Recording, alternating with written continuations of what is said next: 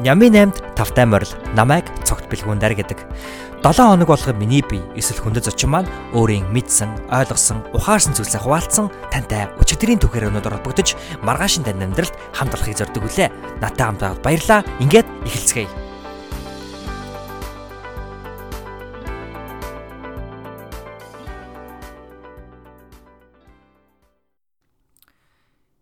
Шин жилийн мэндийг Сэхэтэн гэр бүлийн сонсогч танд хүргэе. Яагаад шин жилийн мэндийг танд хүргэж байна гэхээр Сэхэтэн подкаст маань өнгөрөх 7 хоногт буюу 2018 оны 11 сарын 19-ны өдөр нэг жилийнхаа ойн баярыг бол тэмдэглээд байгаа. За тэгэхээр энэ удаагийн дугаар бол Нямина подкастын маань энэ удаагийн дугаар бол Сэхэтэн подкаст нэг жил болсны дараах хамгийн анхны дугаар буюу 2 дахь жилийн шинэ оны хамгийн анхны дугаар гэж хэлж болох юм байгаамаа. За тэгээ шин дугаар шин он гэснээс ерөнхийдөө бол одоо 11 сарын сүүлчийн 7 хоног одоо эхэлж байна те. Тэгээ сүүлчийн 7 хоног түүнийхээ араас энэ оны хамгийн сүүлчийн сар болох болно. Тийм учраас тун удахгүй шинэ он 2019 он гарах гэж байна. Тэгэхээр хэдүүлээ маш хүндтэй зочинтой уулзах байгаа. Тэрхүү зочин маань хин бэ гэхээр бид бүхний нэгэн сайн мэдэх хэрхэм а манай Skeleton podcast-ийн хамтран хөтлөгч 50 гав нэвтрүүлгийн хөтлөгч 50 байгаа. Тэгэхээр 2019 оноо хэрхэн хүчтэй эхлүүлэх үү? 2018 оноо хэрхэн тийм ээ буурн дээр, оршихуу дээр төвлөрч ад жаргалтайгаар өндөрлүүлэх вэ гэдэг дээр магадгүй танд хамгийн гоё сэжим, хамгийн гоё сэдлийг энэ дугаар өгөх юм болов уу гэж би туйлын ихтгэлтэй байна. За тэгэхээр бид хоёрын хувьд бол а яг ингэж хоёулахнаас суугаад ярилцсан дугаар бол гаргаагүй маш удаж байгаа. 58 маань 2018 онд бид бүхний одоо Сэхэдэн подкастын 18 дугаар Ямин 8 подкастын 18 дугаар дугаар зочин болж оролцож ирсэн. Түүнээс хойш бид хоёр бол яг ингэж 58 бол өөрөө зочин болж оролцсон удаа бол байхгүй. Тэгээд тийм учраас энэ удаагийн дугаарыг маш олон хүмүүс маш удаан хүлээсэн дугаар болов уу гэж би бол тул итгэлтэй. Тэгээд тийм учраас хэдүүлээ илүү зөвлөлтгүйгээр энхүү гайхалтай байгаа үсэрцгээе.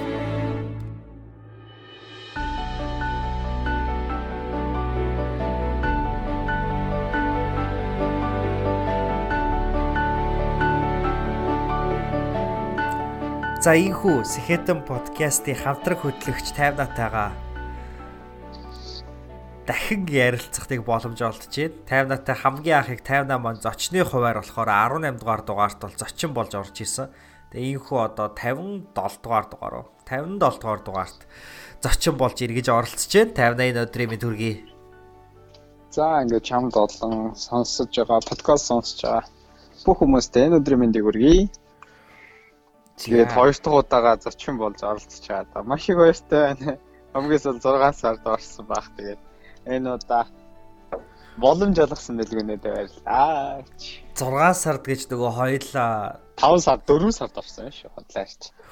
Миний төгсөлсөний дараа юу? Биш ээ. Ага. Төгсөөч юм. Ер нь хамгийн анх би энэ зочноор орсон дугаар чинь 4 сард байна. Тийм үү? Тийм байх шиг. Би өнөөдөр тийш харсан да. Аа жаач. Ай дадаа бүр айгу үүлээсэн шиг санагдаад идэв шүү дээ. Тэгээ би нэг өвштэй. Тий. Аха. Коп шоп моб зууж байгаа л ярьсан санагдаад баягаамна. Тийм ээ. Тэгээ тэр дугаар чи яалтчгүй хүмүүст их хөрсөн дугаар. Тийм ээ. Оо андуурч юм биш уйлаа. Тэр чин 4 сард хийсэн чинь нөгөө а Антошко гурлаа хийсэн дугаар юм биш үү? Аа тий. Яг тийм баг. За тийм байна, тийм байна. Бүр тэрнээс өмнө орсон юм биш үү уучлаа. За яваарчсан чиний тэр 18 дугаар дугаар бол тий а сонгодог урлаг ягаад үзээд байдгийг та нар гэсэн сэдв дээр аа. Худлаа. Гэтэ ерөнхийдөө зөвхөн метафор нь тэр байсан. Гэтэ айгу хүмүүст тэрнийх өөрсөндөө асуулт тавих одоо сэжим өгч исэн. Түүнээс гадна чи нөгөө аав ээжтэй хайртай муу те та бид нар үнэхээр аав ээжтэй хайртай бол тэрийг одоо хилдэг үү илэрхийлдэг үү гэд Тэгээд тэр тэр асуулт чинь ерөнхийдөө ол хүмүүсийг бас их хөдлөж ийсэн гэж мессежд авч ийсэн. Тэгээд Тимийн учраас 50 натай бас иргэн 50 нагийн гайхалтай мэрэгэн оюун ухаанаас бас хүртэх гэж байгаадаа би их баяртай байна. Тэгээд 50 на ойрын үе сониач юу байна бидэртэй оолцооч. Аа за баярлалаа. Ямар амар мундаг гайхалтай юм ярива. За орын санаач ингээл за сүүлийн үед за сүүлийн үед явах те ердөө 3 7 хоногийн өмнө за одоо 4 7 хоногийн өмнө Австрал улс явж ядэрсэн ажлын шуумаар нэгсэндээ ажиллаар хэрнээ бас боломжоор нь хажуугаар нь аяллаа аялах боломж олцсон. За 5 хоногийн хугацаар яваад ирсэн. За тэр бол сүүлийн үед үед давсан хамгийн том туршлага болж үлдчихэд байна. Ердөө одоо нэг сар өнгөрцөн байна шүү дээ. Тэгсэн хэрнээл яг тухайн үеийн дурсамж бол одоо хүртэл ингээд тод үлдсэн. Тухайн үед авсан урам зориг бол байж байна. За өчигдөрхөн нэг үйл ажиллагаанд оролцсон. Тэгээд олон хүмүүсийн туршлага олон хүмүүс олон илтгэгч илтгэгч нарын урам зориг өгсөн яриаг сонссон. За бас гоё байсан. За сүүлийн үедэд бол нэлээ бас догдлохыг их хичээж байгаа. Аа энэ догдлол их гоё штэ. Тэгээд би би их жоохон догдлолоос холдчиход байсан. Тэгээд сүүлийн нэг хэдэн 7 хоногийн хугацаанд бол жоохон догдлолтой байгаа. Тэр маань их гоё байгаа. Шинэ жил болох гоё ч юм уу. Ер нь тажгүй шүү. Хааха. Ер нь бол их гоё тий. За би ч гэсэн бас догтлол байла энэ дугаарыг хийхээс. За бэлгүүнээгийн хувьд одоо чи яг цаа чи ердөө 2 хоногийн өмнө Чикагоор айлсан тий? Тэ Чикагоор аялаад урд шөнө л хүрээд ирлээ. Тэгээд буцаад уу. Тэ Чикагоор санаачаа. Чикаго ер нь бол Чикаго гэлтгүү Америк улс орон даяар энэ 7 хоногт ч нөгөө талархлын баяр болсон тий. Тэгээд дөрөвт өдөр буюу пүрэв гараг талархлын баяр болдог. Тэгээд баасан гарагт нь болохоор хар баасан гараг буюу Black Friday гэдэг маш том одоо дэлгүүр хэсэх ийм одоо тэг өдрийн үйл ажиллагаа болдог тий бүх юмнууд маш их амьдардаг. Тэгээд Чикаго болохоор өөрөө нөгөө Magnificent Mile гээд маш юм урт одоо хідэн блок ингээ үргэлжилсэн юм годомж яадаг худалдааны. Тэгээ тэр годомж нь бол яг бид нарыг дараат хоёрыг Чикагод байх үед бол битүү хүн аим хүнтэй маш их завгүй байсан. А тэгээ Чикаго хот бол өөрөө яг ийм Lake Michigan гээд хойд хойд Америк ТV-ийн одоо маш том нууруудын одоо нуурын ирэг дээр байдаг. Тэгээд ерөнхийдөө бол цаг агаар бол маш хүүтэн байж байгаад яг бит хоёрыг Чикагод байх үед бол маш гоё дулаараад ерөнхийдөө бол тэнд цаг агаар нь маш сайхан нэмэх 10 градустай байсан. За тэгээ ерөнхийдөө бол Америкт бол тэгээд яг талархлын баяр бол түн бум бужигнаад лийш тийшээ хүмүүс аялаад ерөнхийдөө бол талархлын баяр гэдэг чинь монголоор бол Америкийн цагаан сар ахгүй юу. Тэгээд яг гэр бүлүүд хоорондоо уулзаал гэдэг тэгээд Тийм л юм боллоо. Тэгээд Чикаго бол маш сайхан аялал байлаа. Тэгээд урд шөнө 11 өнгөрч 12 гэж ирээд тэгээд их 5 цаг сайхан унтчаад одоо ингээд 50 татгаа яриа сууж ин да. Сайхан шүү. Бас богнортой. Богнортой байд гэдэг чи бас. Сайхан сайхан сайхан. Тэ. За Чикаго бол цаг агаарын хувьд бол нэг тиймэрхүү газар байсан шүү дээ. Австрал одоо цаг агаарын хувьд юу ямар шүү газар байна. Тэр бас те нийгэм арт өмнөх нь одоо чамд өгсөн мэдрэмж нь ямар байв? Аа за би бол үнэндээ ингээд 2012 он 2013 он ч юм уу. За боли зүгээр 15 он сургуулаа төгсөөгөө 16 онд ер нь Австрал улсад очино гэж төсөөлж байгаагүй Австрали улсад энэ нь очиндоо гэд хүний тэр нэг бодол өгдөө штэ. Ойр санагддаг тийм зүйл байгаагүй. Тэгэл бүр нэг холын л юм шиг тий. Ер нь бол чи найзынхаа мөрөөдлөг мэдэн штэ. Америкийн нэгдсэн улсад суралцах тий. Энэ бол бүр 7 дугаар ангийн л хүүхдийн мөрөөдөл. Тэгээ одоо хүртэл зүгээр ингээд нөгөө мөрөөдлөөсөө жоохон дэвшсэн ч юм уу энд энэ талаараа нэг яриха болцсон бодхооч болчихжээ л дээ. Тэгээд ер нь энэ Австрал, Америк гэдэг улсад очино гэдэг бол хол зүйл байсан. Гэтэл ердөө тий одоо чи ингээл 23 наснда Австрал улсад ингээ ажлын шугамаар очичлоо штэ. Зарим хүний хувьд бол ингээл Австрал улс өдөр тутам очиад ингээд байдаг байж магадгүй. 50 гэдэг энэ хүний хувьд бол энэ очих зүйлүүд бол маш өөрөө сонирхолтой зүйл байсан. Тийм болохоор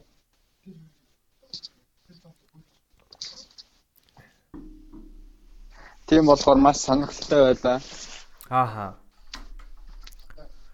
Тэгээ өмнө төсөөлж байгаагүй зүйлүүдийг очиод үзээ. Яг өөрийнхөө нүдээр ингээд харангууд зүгээр л нөгөө маш үзэсгэлэнтэй далайн эргийн хот. Миний очсон хот болохоор одоо баруун Австралийн баруун эргийн хот байхгүй юу? Тэгээд далайтайгаа маш ойрхон. Тэгээд уулуурхаа дагаад ингээд хөгцсөн. Ингээд залуухан хот үзэсгэлэнтэй, дэд бүтцэн ямар гоё хөгцсөн. Зөвхөн нөгөө ийм уур амьсгал төрсэн байхгүй бид нар ингээ баг байхдаа ингээл одоо одоо шинэ жил болох гэж шинэ жилийн ингээ кино үзэхээр надад юу нь илүү гоё тод буудаг вэ гэхээр ингээл 100 сарын баяр төхөөд ирэнгүүт айлууд нь ингээд өөрийн гэсэн нэг өөр хаустай тий. Тэгээд өөрийн гэсэн нэг зүлэгтэй, тэгээд нэг краштэй шууд эсвэл тэгэл 100 сар болонгоот нөгөө гацуур мадаад саад байшин дээрээ нэг мануухайгаа гаргаж хүмүүс нь тавиал тий хөршүүд нь ингэдэг. Тэгэл хөршүүд нь хоорондоо ингээл өдөр тутмын амьдралд нь ингээл хоорондоо ярилцаад байдаг нэг цусрын гоё кинонууд эдэг штэ. Яг тийм дүрслийг би амар гоё төсөөлдөг байхгүй. Хизээ ингээл Монгол ус маань нэг ийм гоё хөгжилт дэдвчсэн хөв те гоё юм хөгжилтэй болчих бол гэх те. Би ч өөрөө тийм гоё мөрөөдлийн хаус ингээд өөрийн гараар бий болгоод ингээд зүлэг мэлгээ өөрөө тариал те. Тийм зүйлийг мөрөөддөг байхгүй те. Тэнд очиход бол яг хотын ингээд далайн эргийн хотын захаар ингээд явангууд яг тийм дүр зураг. Ингээ хоёр талаар ингээд дан хувийн хаусууд өөрийн гэсэн эзэмшлийн хашаатай тэгээ маш э, юутай краштай те яг л тэр мэдрэмжийг бол очиод яг нүдэрээ авсан. Зүгээр яг чиний асууж байгаа асуултыг нөгөө байгаль байгаль болон иргэн тойрон тэр гоё мэдрэмж нь юу вэ гэдэгт л найз нь хариулж байгаа шүү. Аа. Ер нь бол миний очисон хотуудаас ер нь олон хотод очисон ч биш үү. Очисон газруудаас бол хамгийн гоё тайван, стресс багтай. Аа. Ер нь амьдраад байл амьдраад баймаар л хот санагдсан. Тэгээ би ямар ч сан дараа хайртай үнтэйгээ дахиж заавал очино. Аа. Аа. Тэ. Зя маш их баярлаа. Өстө нүдэнд харагдтал ярьлаа чи. Сэйнд манай нэг ажлын хүн орж ирээд жоохон яриа донд донд тасалчих шиг боллоо очлаарай. Ааха. А тайвна маа сонирхолтой зүйл дуулгахад яг одоо бас оюутлогоогоо шууд холбогдож байгаа шүү дээ, тий. Тий. Бүх юм ингээ гоё оргиороо явах гоё шүү дээ. Монтаж юу, монтаж юу. Ааха.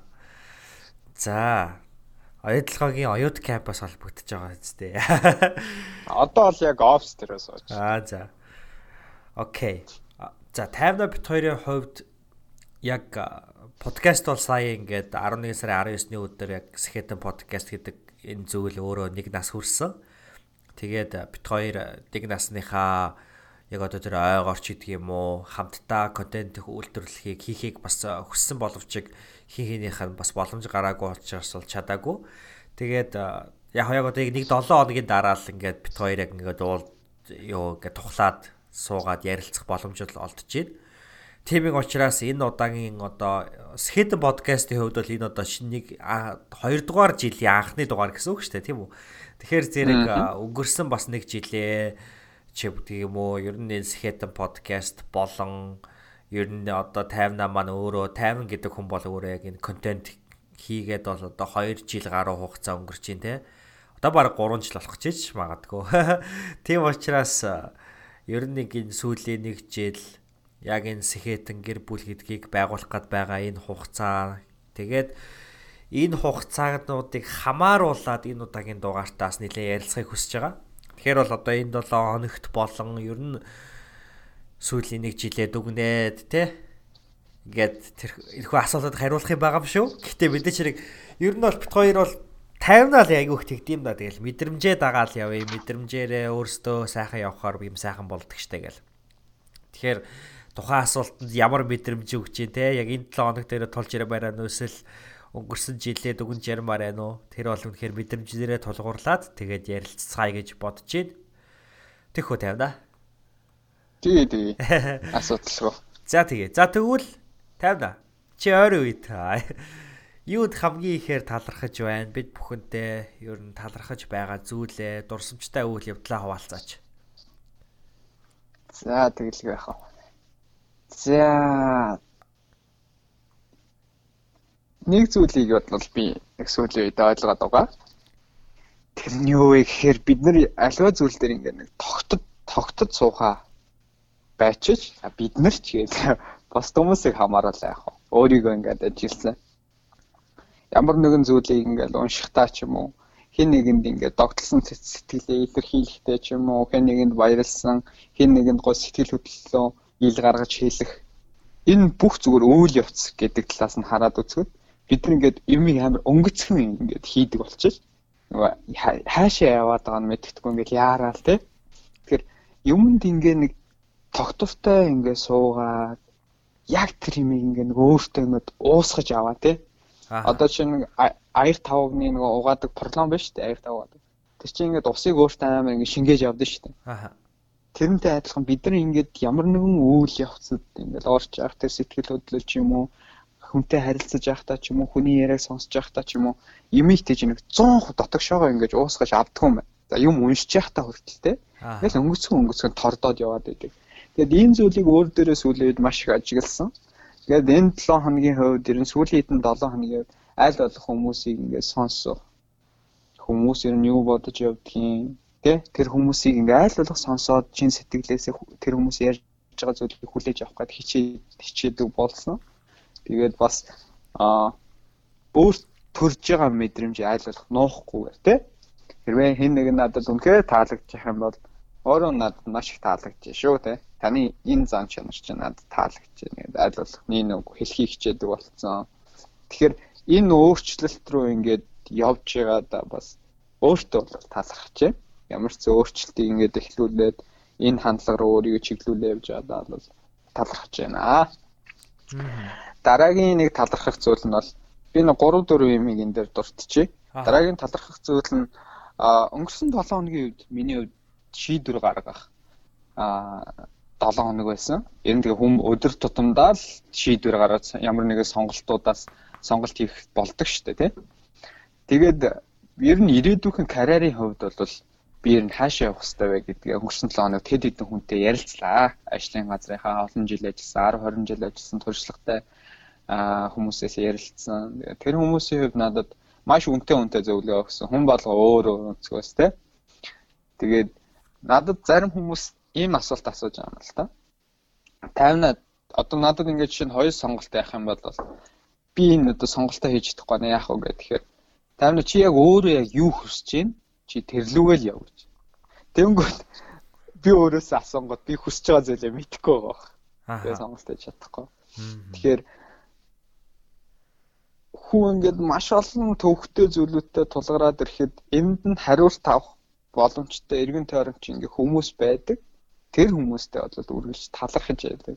Тэр өнгөрсөн 7 хоногийн өв чийдвэр гаргахад нөлөөлсөн тэр үнтэй үнтэй зөвлөгөө өгсөн ажлын газрын хамт олондоо ах эгч нартай бол талархснаа илэрхийлсэн зүйтэй гэж бодож байна. За тэгтээ энэ сонголт нь юу байсан бэ гэдэг зүйлийг би дараа дараагийнхаа асуултууд дээр илүү дэлгэрэнгүй барья те. Аа. За гурав дахь зүйл нь За сүүлийн хэдэн сар ер нь миний сүүлийн 3 жилийн хугацаанд за 3.5 жилийн хугацаанд Миний би жоохон өвдөд байгаа. Тэр нь бол жоохон үе мөчтэй холбоотой. Гэхдээ энийг яг хүмүүст ингээл яриад тахт хүсдэггүй яа тэгэхээр ингээл хүмүүст ярингууд хүмүүс чинь ингээд би нэ яаж энэ тэрэ гэж тэнгууд би өөрийгөө амар суулт ороо юм шиг мэдрэж мэдрээд идэх байхгүй. Тэгээ жоохон ингээ уур хүрээд тий. Би бүр яг тэгсэн дор ингээ.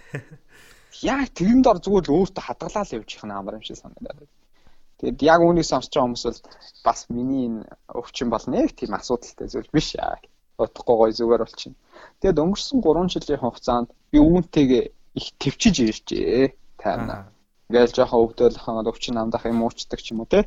Тэгэл зарим хүмүүст ингээд би энэ өвдөд дээр ингээд лемлэг мэмлэг үзэл тэрхүү амтнаас ингээд зөвлөгөө авах гэх залуу хүн байж өвчин яриа те.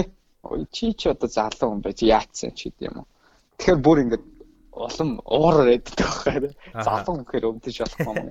Тэгэл зарим тохиолдолд ингээл эмчимчтэй үзүүлэгдэхэд очингууд нэрэл дандаа өндөр настай хүмүүс. Тэнгүүд би залуу ингээд байж хаад заримдаа өөртөө ч уур хураг шиг те. Тиймэрхүү зүйлүүд байдаг. Тэгээд сүүлийн хэдэн 7 хоногийн хувьд бол арай өөрөө өөртөө эвлэрээ те. За би өнгөрсөн 3 жил яг энэ өвдөлттэйгээ зүгээр тэмцээд ирсэн юм байна. Төвчээд ирсэн юм байна. Одоо үүнтэйгээ тэмцэх цаг болчихжээ тайна сэтгэл санааны хувьд ч тэр энэ дээрээ дөрвтэй арга хэмжээ тууштай эмчилгээ хийгээд энэ тал дээр илүү ажиллах хэрэгтэй байна. Илүү дотор хүн талаасаа ингээд эерэг болж эхэлж байгаа юм да.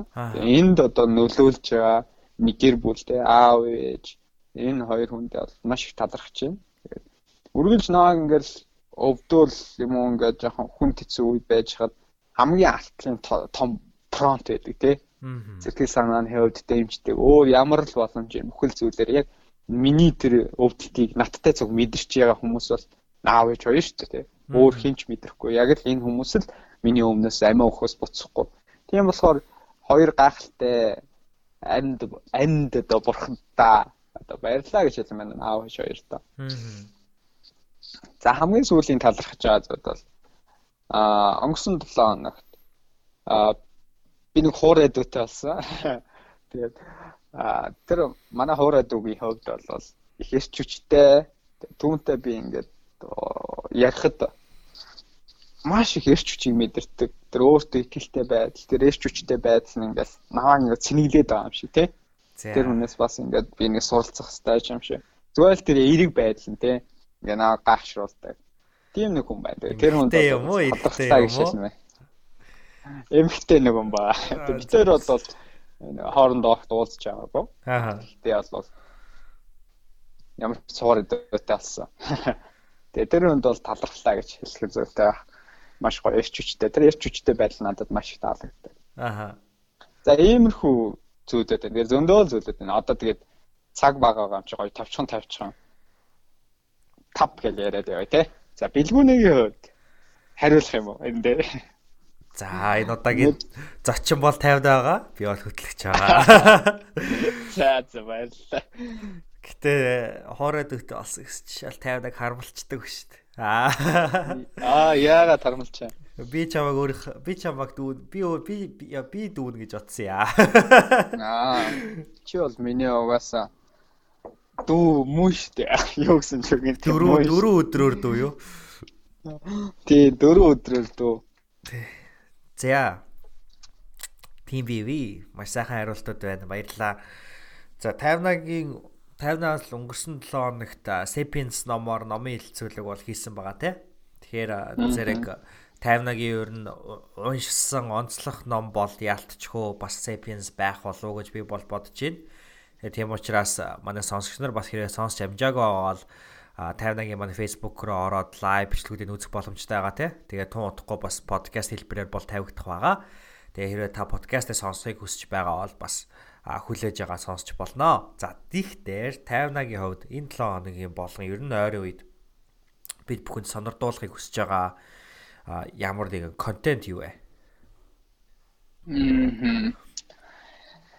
За контент гэвэл за би яг ингээд сонирхож уншсан сонсон контент бол байхгүй. Гэхдээ өчиг өчигдөр нэг арга хэмжээнд оролцсон. Тэгээд тэрэн дээр хүмүүсийн ярьж байгаа яриаг ингээд сонсоод байхад бол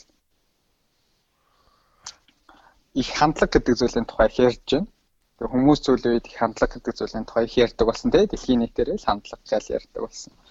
Тэгэхээр энэ хандлагатай холбоотой өөрийнхөө тэр олон хүний туршлага, олон хүний ярьсан зүйл дээрээс базаад би сурсан зүйлээ ярих гэж бодож байна. За. Бид нар ингээд Австралид үйл ажиллагаанд оролцоод яг биш тэр чинь 120 орны залуучууд байсан шүү дээ.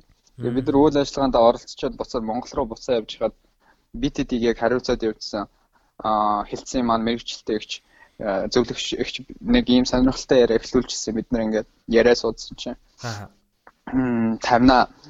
Хүн ер нь бол өөрийнхөө тухай ярихад бол бишээ бусдын талаар ярихад бол их амархан байдаг. Аа харин өөрийнх нь тухай ингээд ярихтаа эхлэнгүүт тойрч цухтаагаад байдаг гинэ энэ үг надад маш хүчтэй туссан яг ингээд бусад хүчин зүйлийн тухай тий одоо магадгүй 3 сая иргэнээс таны амьдралд хамгийн болохгүй байгаа асуудлуудаа ярина уу гэж тэх юм бол доор хэж нэг хүн бол 5-аас дээш хариулт асуулт хэлэх байхгүй тий. Миний амьдрал ийм зүйл болохгүй байна. Нийгэм ингээд байна ч гэдэм юм. Тэгэхээр чи 3 сая хүнээр өржүүлэхээр ч учиргүй асуудлыг гарчаад аа гэтэл тэр хүнийг өөрийн ингээд суулгаад за таны тухай яриа тий. Энэ асуудлууд байгаад байгаа юм бол та энэ асуудлуудад өөрөө ямар үн цэнтэй юм уу ямар оролцоотойгоор оролцох боломжтой вэ гэдээ өөрийнх нь тухай яриад өөрийнх нь болохгүй байгаа хандлагын ч юм уу те өөрийнх нь дутагдaltaй үйлдэлүүдийг яриад эхлэнгүүт хүн ингээд бүр гарч гүмээр санагдаад ингээд би ингээд дургуун хүрээ те цухтаамаар санагдаад тэгж хэлдэг юм байна л да тийм мэдрэмж зүгээр ингээд зүүрлж хэлвэл тэгэхээр энэ өөрөө хувь хүний шууд 100% хандлагатай ижил зүйл болчих. Тэгэхээр хүн хүний хөгжил яаж явагддаг вэ гэхээр бэлгүүний мэдэн дээ чи. Одоо өндгийг чинь гаднаас нь ингээ хагалах юм бол тэр бол амигүй болно тий. А гэтэл өндөг ингээд өөрөө боловсроод дотроос ингээ хагарыг л та тий. Тийм бол тэр нь өөрөө ингээд дахиа дэгдэхэ болоод ингээд дахиа болоод ингээд явдагтай адилхан. Хүний хөгжил өөрөө гаднаас явагддаг, дотроос явагддаг. Тэгэхээр гадаад хүчин зүйлүүдээс бол маш цөөн зүйл хамаарна гэдэг санааг би энэ өөрийнхөө олдон хүний яриан дээрээс бол базаад нэг дүгнээд хэлэх гээд байгаа. Тэгэхээр амьдралд өчнөө асуудал байгаа ойлгомжтой нийгэмд асуудал байгаа. 7 тэрбум хүн дээр асуудал байгаа байхгүй. Бүр болио гэд амтнд хүртэл асуудал байгаа шүү дээ тий. Маш олон амтнд асуудал байгаа. Тэгээд үзэхэр энэ асуудлуудыг ингээд бэрхшээл болгож гаргаж ирээ. Тэгээд түүндээ ингээд шаналаа суугаад авах ш. Би үүнийг тэгвэл яаж хийж болох вэ? Энэ асуудлыг шийдэхийн тулд 50 гэдэг хүний оролцоо юу байж болох вэ гэдэг эерэг тэр хандлагаар бид нар хүлээж авдаг. Тэр асуудлыг арай өөр өнцгөөс хардаг. Тийм хандлагыг өөртөө бий болгочих юм болвол энэ нөгөө гайхалтай яриад байгаа тэр том том зүйлүүдэд хүрэхэд бол нэг алхам илүү ойртох юм болов уу гэж харсан. Тийм болохоор хандлага гэдэг зүйл бол таны зүгээр өөрийн чинь оролцоо, таны альва зүйлийг хөө харж байгаа тэр өнцгөөс л бүх зүйлийг хэлэх юм болоо гэж бодсон байхгүй юу. Тэгээ нэг гоё би бичиж авсан. Энэ Австрали улсын тэр 3 өдрийн чуулга уулзалтад оролцож явах та. Тэр нь ямар үг вэ гэхээр тань тань тохиолдож буй зүйлс бол ердөө таны амьдралын 10%. А харин та тэрэнд ямар реакц буюу хариу үйлдэл үзүүлж байна вэ гэдгээс чинь хамаарч таны амьдрал 90% тэндээс шалтгаалдаг юм а гэж. Энэ маш гоё үг яг сонсож байгаа хүмүүс бол тэмдэглээд бүр дэвтэр дээр аваад өдөр бол өөртөө л явах хэрэгтэй. Тэгэхээр танд ямар нэгэн үйл явдал тохиолдох юм бол та тэрэнд ямар хариу уурал үзүүлнэ, уурална уу, бухимдна уу тэрнээс чинь шалтгаалаад таны өдрийн тэр амьдралын ирч хүч, таны амьдрал ямар үр дүн авчих вэ гэдэг чинь бол шалтгаалж эхэлдэг юм.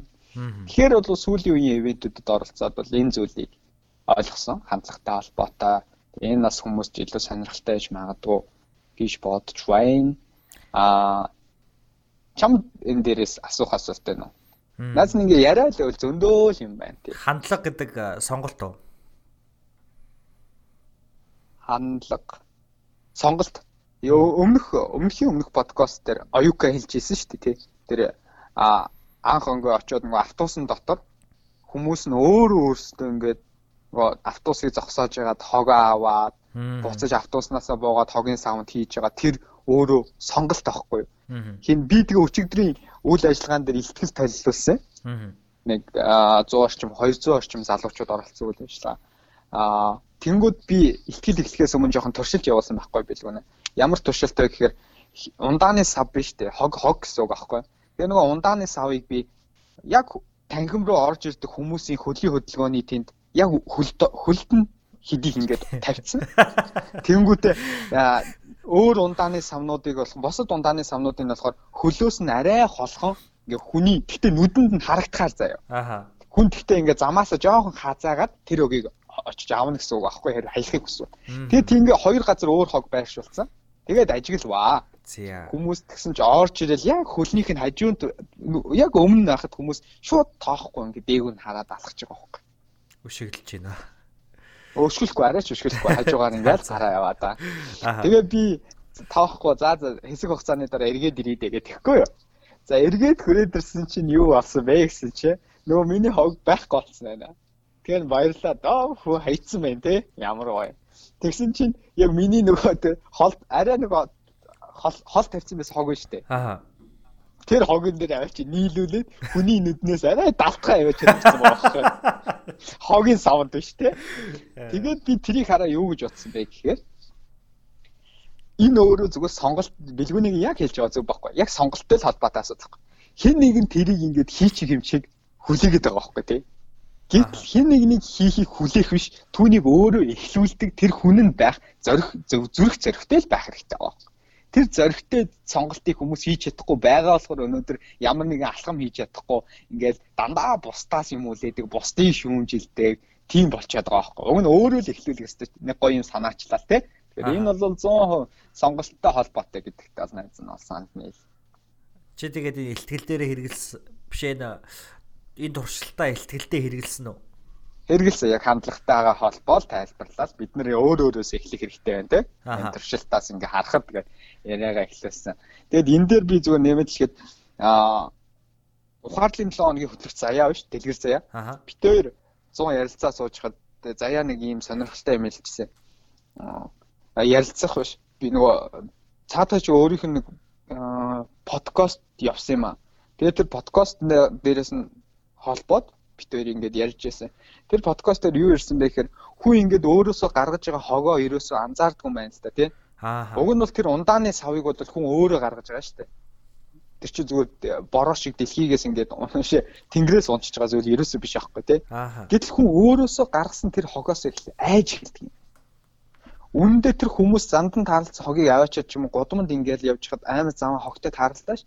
Тэр хүн хогийг аваачаад хийж сэтгэлтэй зүрх зоригтой үг бол байгаа бэлгүнэ. Гэхдээ айгаад байгаа байхгүй хэд заваа хогноос хүн айж эхэлдэг юм байна л да. Яг тэгэхээр цэцэс чи хэний ч хайсан ямар заваа хог юм бэлээ те. Хүний сэтгэлгээр нэг тийм юм байгаад байна шүү дээ.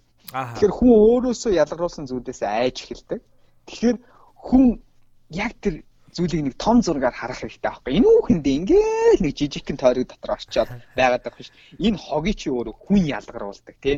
Тэгвэл бид нар энэ хог ялгаруулж байгаа зүйлээ багасгаад ирэх юм уу? Энэ маань өөр хэрэглээтэй холбоотой. Бид нар хэрэглээгээ багасгая те. Чанартай цөөн эд зүйлс хэрэглэж гэдэг юм уу? Ийм зүйлийг бид хоёр ингээд ярьсан. Энэ их гоё сэдв санагдсан. Тийм болохоор сүүлид энэ хог гэдэг зүйл, энэ хандлага гэдэг зүйлүүд бол зүгээр өдөр тутмын бидний амьдралд нүдэн дээр л илт харагдаад байгаа зүйл аахгүй юу?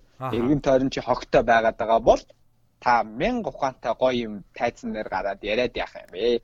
Мянга том зорилгын тухай яриад яах юм бэ? Иргэн тойронд байгаа гоё орчноо цэмцгэр ойлгочих чадахгүй хажууд байгаа хүндээ өө чи наана хог хайчлаач наад хогоо аваад гар гэд хилчиж чадахгүй зэ зориггүй. Тийм байгаа бол тэр чинь нэхлэл биш шүү дээ тий? Бидэн ч л бодсон аа зия гайхалтай хариултаа Тавна яг гайхалтай юу? Гайхалтай. Би бас юм бодог чиний ярьж байгаа зүйл бол тэгээд нэгт толгойд байгаа хогоос гаргаж хайж иж эргээгээд эргэн тойрондоо байгаа хогийг цэвэрлэхэл гэсэн ойлголт юм болов гэж бодогдлоо. Баярлалаа. Чи бүр гой тоомлоод миний барыг сая 5 10 минут ярьсан зүйлийг баг нэг өгүүлбэрт автагаа санааг нь хэлчихлээ. Яг л ингэж хэлчихсэн байна те. Тавна ойрын үед юу хийж, юу үйлдэж түүнээсээ сэтгэлийн таашаал одоо кайф авч байна. 3 дугаар асуулт. За нэг яг сэтгэлийн тайшаал 100% аваад байгаа юм бол алгаа бил үнэ. За. Сүүлээд бол ажил авмаар байна. Аммаар байна. Мэдээж тэр бол хамгийн хүсэж байгаа зүйл. Ажил ихтэй байгаа. Тэгээд одоо жишээ нь би гэхдээ ажил ихтэй байгаадсан хотын утаанаас гол гол нь хоол тий. Ажилчийн хөдөө орон нутагт төсөл дээр ажиллаж байгаа. Тэгээд оюутлогоо төсөл дээр ажиллаж байна. Тийм болохоор одоо би чинь 12 сарын 7 гэд хот орох байхгүй юу тий хот газар орно. Тэгэхээр ихэнх амьдралынхаа хугацааг яг төслийнхэн талбайд ингээд өнгөрөөж байгаа. Энэ цаг мөчид болвол ер нь бол өөр зүйл зарцуулах цаг хугацаа бол хэтэрхий бага. Тэгээд үүнийгээ дараа дагаад ч одоо хийх зүйлүүд нь ингээл цөөхөн болоод ирдэг ч юм уу цаг авахгүй болохоор шалтак гаргаж эхэлж байгаа юм л та. Би өөрөө завгүй ани юм ч гэдэг юм уу. Аа Тэгээд яг өөртөө нэг юм зүгээр шаардлага тавьсан. Төрөө нь би ярианыхаа ихэнх хэлжсэн. Сүүлөө жоохон өвдөлт мэдрэгдээд өвчин намдах юм уугаад яваад ингээ гаднаа тайвна ингээл энийгээл айлуулах ингээд гахалтай гоё байхыг хичээдэг боловч дотроо бол зарим үед бүр шүд суудаг штэ ингээд яа энэ өвдөлтөө тэгэл ажиллаа хийх хэвээр хажууд өвдөлт мэдрэгдээд тэгээд өвчин намдах юм уугаад яваад байдаг. Тэгсээ нэг гүрийгэл яваад байдаг тий. Гэтэ яах вэ? Энэ дээр ямар шаардлага өөртөө тавьсан бэ гэхээр би өдөрт доор хаяж нэг цагийг өөрийнхөө эрүүл мэндэд цаг зарцуулах хэрэгтэй байна гэдэг зүйлийг тавьчаад байгаа. Тэгээ өнгөрсөн 7 хоногт нөгөө жимдээ тогтмол явж чадахгүй байсан бол эргээд яваад эхэлсэн. Тэгж авал буцаал алдагдсан. Яг нөгөө хөвдөлт хит мэдэгдээд тахаар бас дасгал хөдөлгөөн хийж болохгүй те. Тэгэх мэрчэн жоохон жоохон тийм зүйлүүд байна. Гэхдээ энэ дээр бол ямар нэг арга хэмжээ аваад явж байгаа эмчилгээний хувьд тийм болгоо тун утахгүй энэ зүйл маань ингээд гайгүй голдролд ороод ингээд явчихна. Тэгэхээр хамгийн хэлэх гээд байгаа зүйлүүд өдөр тутам эрүүл мэндэд заавал цаг зарцуулаарай гэж таахын хэлэх гээд байна. Эрүүл мэнд Хүний амьдрал тэр нь бэлгүүнэ хамгийн чухал зүйл. За хүний амьдрал биш хүн дээр нь хамгийн чухал зүйл чи юу гэж бодож байна? Хүн хамгийн чухал бүр хэрэгтэй зүйл. Тэргүүл бол хүн амьдрч чадахгүй. Чи яг ингээд шууд асуух үед хамгийн түрүүнд бодогдсон үг бол тэгээд хайр, ад жаргал гэсэн хоёр үг бодогдож байна. За надаас нэг хүн яг энэ асуултыг асуусан. Би тэгэхээр эрүүл мэндийг тариулсан байхгүй. Тэгсэн чинь тэр хүн инээгээд агаар гэсэн байхгүй. Чи агааргүй хэдэн минут хамт явах аа. Биш амьдч чадах уу гэдэг. Бид нар ингээд аливаа юмны ингээд асуулт нь ингээд амар том зургаар ингээд хариулцдаг. Уг нь бол ингээд детальны ингээд бодоод үзэх юм бол нэр агаар тийм усгүй болвол тийм бид нар амьдарч чадсан. Тэгэхээр бид нар энийг мэдээд байгаас бэлгүүнэ чи ингээд хариултыг хэлэнгүүт нэр би агаарг бол амьдарч чадахгүй штэ гэж бодож байгаа шиг мэдж байгаа хэрний мэдэрч чаддаггүй маш олон зүйлүүд бидний амьдралд байгаад байна. Аа. Тийм болохоор эрүүл мэнд гээд бүгд мэдж байгаа. Эрүүл мэнд чухал уу гэлдэг юм бол бүгд чухал гэж хариулдаг. 100 хүмүүс. Гэтэл эрүүл мэнд таны хувьд хамгийн үнэт зүйл мөн үү гараа өргөөж ялдаг. Бүгд өргөнөөдөө бэлгүн аяг бол тангимд одоо 100 цугларсан байлаа гэхээр. Тэнгүүт за тэгвэл тамхи татдаг хүн гараа өргөнө үгүй бол магадгүй тэнд тангимд сууж байгаа хүний 50% ч юм уу гар орохыг үүсэхгүй шүү дээ. Гэтэл энэ хүмүүс өөрийнхөө үнэт зүйлтэй зөрчилж байгаа байхгүй. Та эрүүл мэнд миний хувьд хамгийн үнэтэй гэж мэдчихэж шүү дээ. Мэдсээрэж та яагаад тамхи татаад байгаа? Яагаад хор зуршил хэрэглээд байгаа? Билгүүний подкаст хэлчихсэн өмнөх те хэрвээ та эрүүл мэндтэй дасгал хөдөлгөөн хийхгүй байгаад ах юм бол нөгөө тамхи татхаас бүр тамхи татхаас 7 дор хүртэл хор уршигтай гэх те подкаст хэлсэн. Гэх мэтлэн ингээд эрүүл мэнд чухал гэдгийг мэдээд идэг Гэтэл тэр мэдж байгаа зүйлээ өдөр тутмын амьдралдаа хэрэгжүүлж чаддаггүй хүмүүс бидний хамгийн өрөвдөлтэй нэг зүйл юм болов уу гэж бодсон бас. Би нэг өчигдөр онгоцон дотор явж байхдаа гинт зүгээр хийх юмгүй айгу сони юм бодоод тэр нь юу гэхээр би яг онгоцоор эсхээсээ өмнө хоол идэж байхдаа спрайт уусан байхгүй юу. Тэгээд Sprite уусан болохоор нөгөө газтай ундаа тэгээд газ нь яг гол нөгөө айгүй сахартай. Тэгээд сахартай ундаа ууцсан болохоор жоохон ингээд сэтгэлээр удаа байжсэн байхгүй яг одоо чиний хэлээд байгаа юм чил хийцэн байгаа байхгүй мууг нь бицээр ээж хийцэн. Тэгээд ингээд гэтээ ингээ ууж явах үедээ хүн ингээд ямар ч ингээ буруу юм хийж байгаа юм шиг ингээд санагдахгүй л байгаа юм л да. Тэгээд бодоо тэгвэл яаж төсөөлөд хүн амар ингээ буруу юм хийж байгаа юм шиг санагдах бол гэж бодсон чинь надаа ингэж бодогдоод яг тэр ууж байгаа ч юм уу идж байгаа хүнсээ ингээд шипризер бирүүгээ ингээд шахаж ийн гэт ингээд төсөөлөд үзсэг үзсэг үзье гэвэл айгүй эвгүй санагдаад. Тэгээ одоо жишээ нь ус ингээд бирүүгээ шахна гэвэл гайгүй төсөөлөгдөд байгаа байхгүй юу те. За ингээд зүгээр усал явчихад гээ те. А гэтэл ингээд сахартай зүйл ингээд спрайт ундаа ингээд шипризэнс ороод өөрлөгөө ингээд шахах юм бол одоо яа тий тэр чи ингээ айх тэр их сахартай зүйл ингээ шууд цосрогоо шахчихна гэхээр ямар муухай ах бол тэгэл яг тэгж бодогдчихсэн. Тэгээд яг зөв. чи сая надаас нөгөө чиний чиний саний дээр асуусан асуулт чи айх тэр дасгал байла. Яг надад болон манай сонсогчнорт бүгдөөрэндөө тэгж санагдсан баха юу одоо энэ амьдралын хамгийн чухал зүйл вэ гээл тэгэхээр бүгдөө том дүр зураг бодсон чи урдаас гинт агаар гээл тэгсэн чи бүр ингээд тарихны хамаг идээс ажиллачлаа тэгээд Тэр нь тэр бол маш тийм гоё дасгал болчлоо. Тэгээ тийм учраас би бас өөрийнхөө нэг жижигхэн дасгал хийгүүл ингэж хийж болох юм байна гэсэн юм хуваалцсан санагдаад. За баярлаа. Найз нь гэхдээ чиний асуултанд хариулаагүй шүү. Нөгөө гол чиний асуулт нөгөө асуух гэдэг зүйл чи нөгөө юунаас илүү ирчүүч авж ийнэ тий авахыг хүсэж ийнэ гэдэг бас. Гол нь найз нь хэлэх гэдэг эрүүл бай. Аа тэгээд эрүүл байхдаа цаг гаргадаг бай. Тэгэхээр түүнээс шалтгаалаад үр дүн нь өдөр тутамдаа чи эрч хүчтэй байна, цоглог байна. Хамгийн гол нь хайртай хүмүүс чинь баяр баясгалтай байна гэдэг тийм зүйлийг хэлэх гээд гол санаа. Энэ дээр тэгээд би хоёр зүйлийг гой баталж батлыг нэ жишээ байдлаар хэлье. За. Тэр нь юу вэ гэхээр бид нар дахиад нөгөө Австрали явж байхад ярьсан бид нар зам зураад тэгэл маш ер нь хамгийн аливаа үйл ажиллагаанд оролцсон хамт аяллаар явж байгаа нөхдөдөө зам зуур ч юм уу энэ хүмүүстэй ингээд танилцаад энэ хүмүүстэй ярилцаа сухтал маш гоё яриануд үүсдэг шүү дээ тий. Нөгөө бид нар дундаа орно гэдэг шиг. Тэр явцад манай нөгөө бүжээгч дахиад гоё юм ярьсан. Тэр нь юу ярьсан бэ гэхээр нэгэн компани одоо том захирлынхаа тухай тэр өөрийнх нь өдөрдөгч байлуу нөгөө өөр өдөрдөгчийн тухай би санахгүй нуушлаа. Тэгээд тэр өдөрдөгч нь өдөрт дор хаяж нэг цагийг ингээд дасгал хөдөлгөөнд зарцуулдаг гинэ. Тэгээд тэр хүн яагаад тэгж трийг өөрөө тайлбарладаг гэхээр өөрөө одоо чинь 40 хүнийг удирддаг тий тухайн хэлцэд нь ч юм уу. Тэгэхээр миний би 40 хүний аргын амьдралыг нэгсэнд хариуцж байгаа байхгүй тэр хүн. Тийм болохоор би хамгийн гол нь эрүүл авах хэрэгтэй.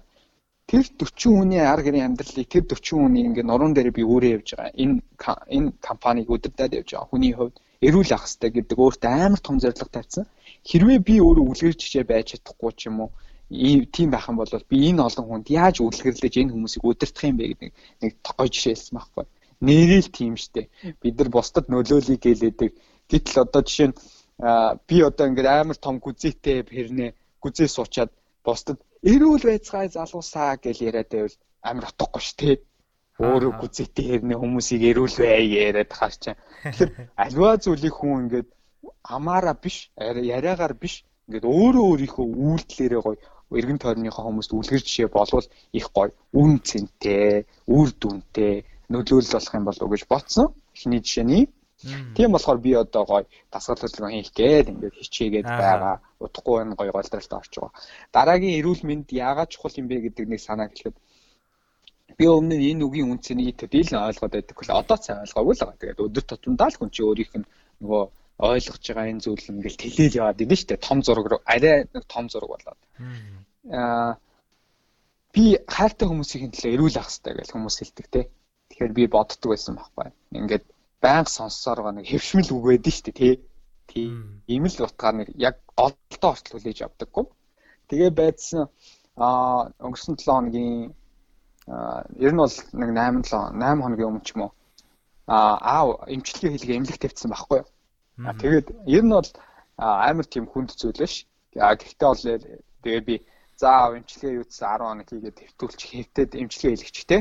Юутсан одоо хүн чинь нэг жилдээ нэг удаа хөвтөд ямар ч эмчилгээг нэг сэргийлт авах хэрэгтэй шүү дээ. Тийм зүгээр л нэг жилдээ нэг өдөр тутмын эмчилгээ ч юм уу тиймэрхүү байдлаар шүү. Бас таар нэг амар хүнд зүйл бол байхгүй. Хүмүүс бас буруугаар ойлгож байна. Тэгээ байчаад би тэгэр ингээд за аав яаж чинь би энэ яаж чинь гэж тодорхой хэмжээний бас би энэ жоохон чилээхэд тэгсэн байхгүй. Тэнгүүт яг хүн мэдэрдэг юм байл. Ойр би өөрөө өвдөөгүй ч гэсэн миний ойр дотны хамгийн хайртай хүн ингээд аа жоохон өвчин яриад ингээд эхлэнгүүт би өөрөө шаналцж байгаа юм чинь. Ингээ ажил дээрэж ажиллаа хийж чадахгүй ч юм ингээ бодогдоол те. За яаж байгаа бол гэж. Яг ингээ нэг ярьчи да гэл те. Тэгээд бодоход энэ үгний үн цэнийг тодорхой хэмжээнд мэдэрч эхэлсэн байхгүй.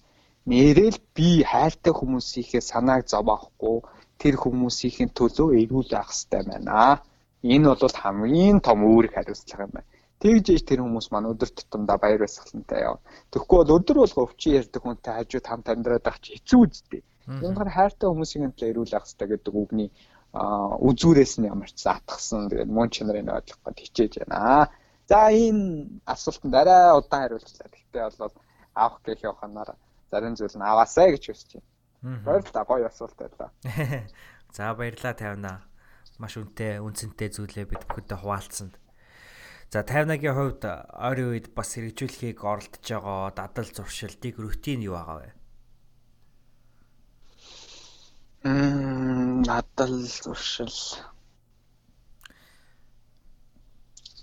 За би ямар ч зэн дадал зуршил яг зөвхөн хоёр зүйл дээр л төвлөрч байгаа. Тэгээ яг эхний өмнөх асуулттай л уялдаа холбоотой болчихно. Сүүлийн үед нэлээд хачаалттай ажиллаж байгаас болоо жоохон би бол нэг гоё бас амралт аммаар байгаа тий ингээл 7 хоног гой салхинд гараад ч юм уу нэг хөнгүү газар очиод нам онтмаар ч юм уу тийм мэдрэмж аваад. Тэгэхээр эрүүл мэндэд ямар ч тогтмол анхаардаг бай гэдэг нэг зуршлыг бий болгоё. А хоёр дахь зүйл нь болохоор нэг зүйл дээр ингээд тогтмол төвлөрдөг байя гэдэг санаа. Нэг зүйл дээр ингээд төвлөрөө тэндээсээ удаан хугацааны үр дүнгийн амтлаа. Тэр нь яг юу?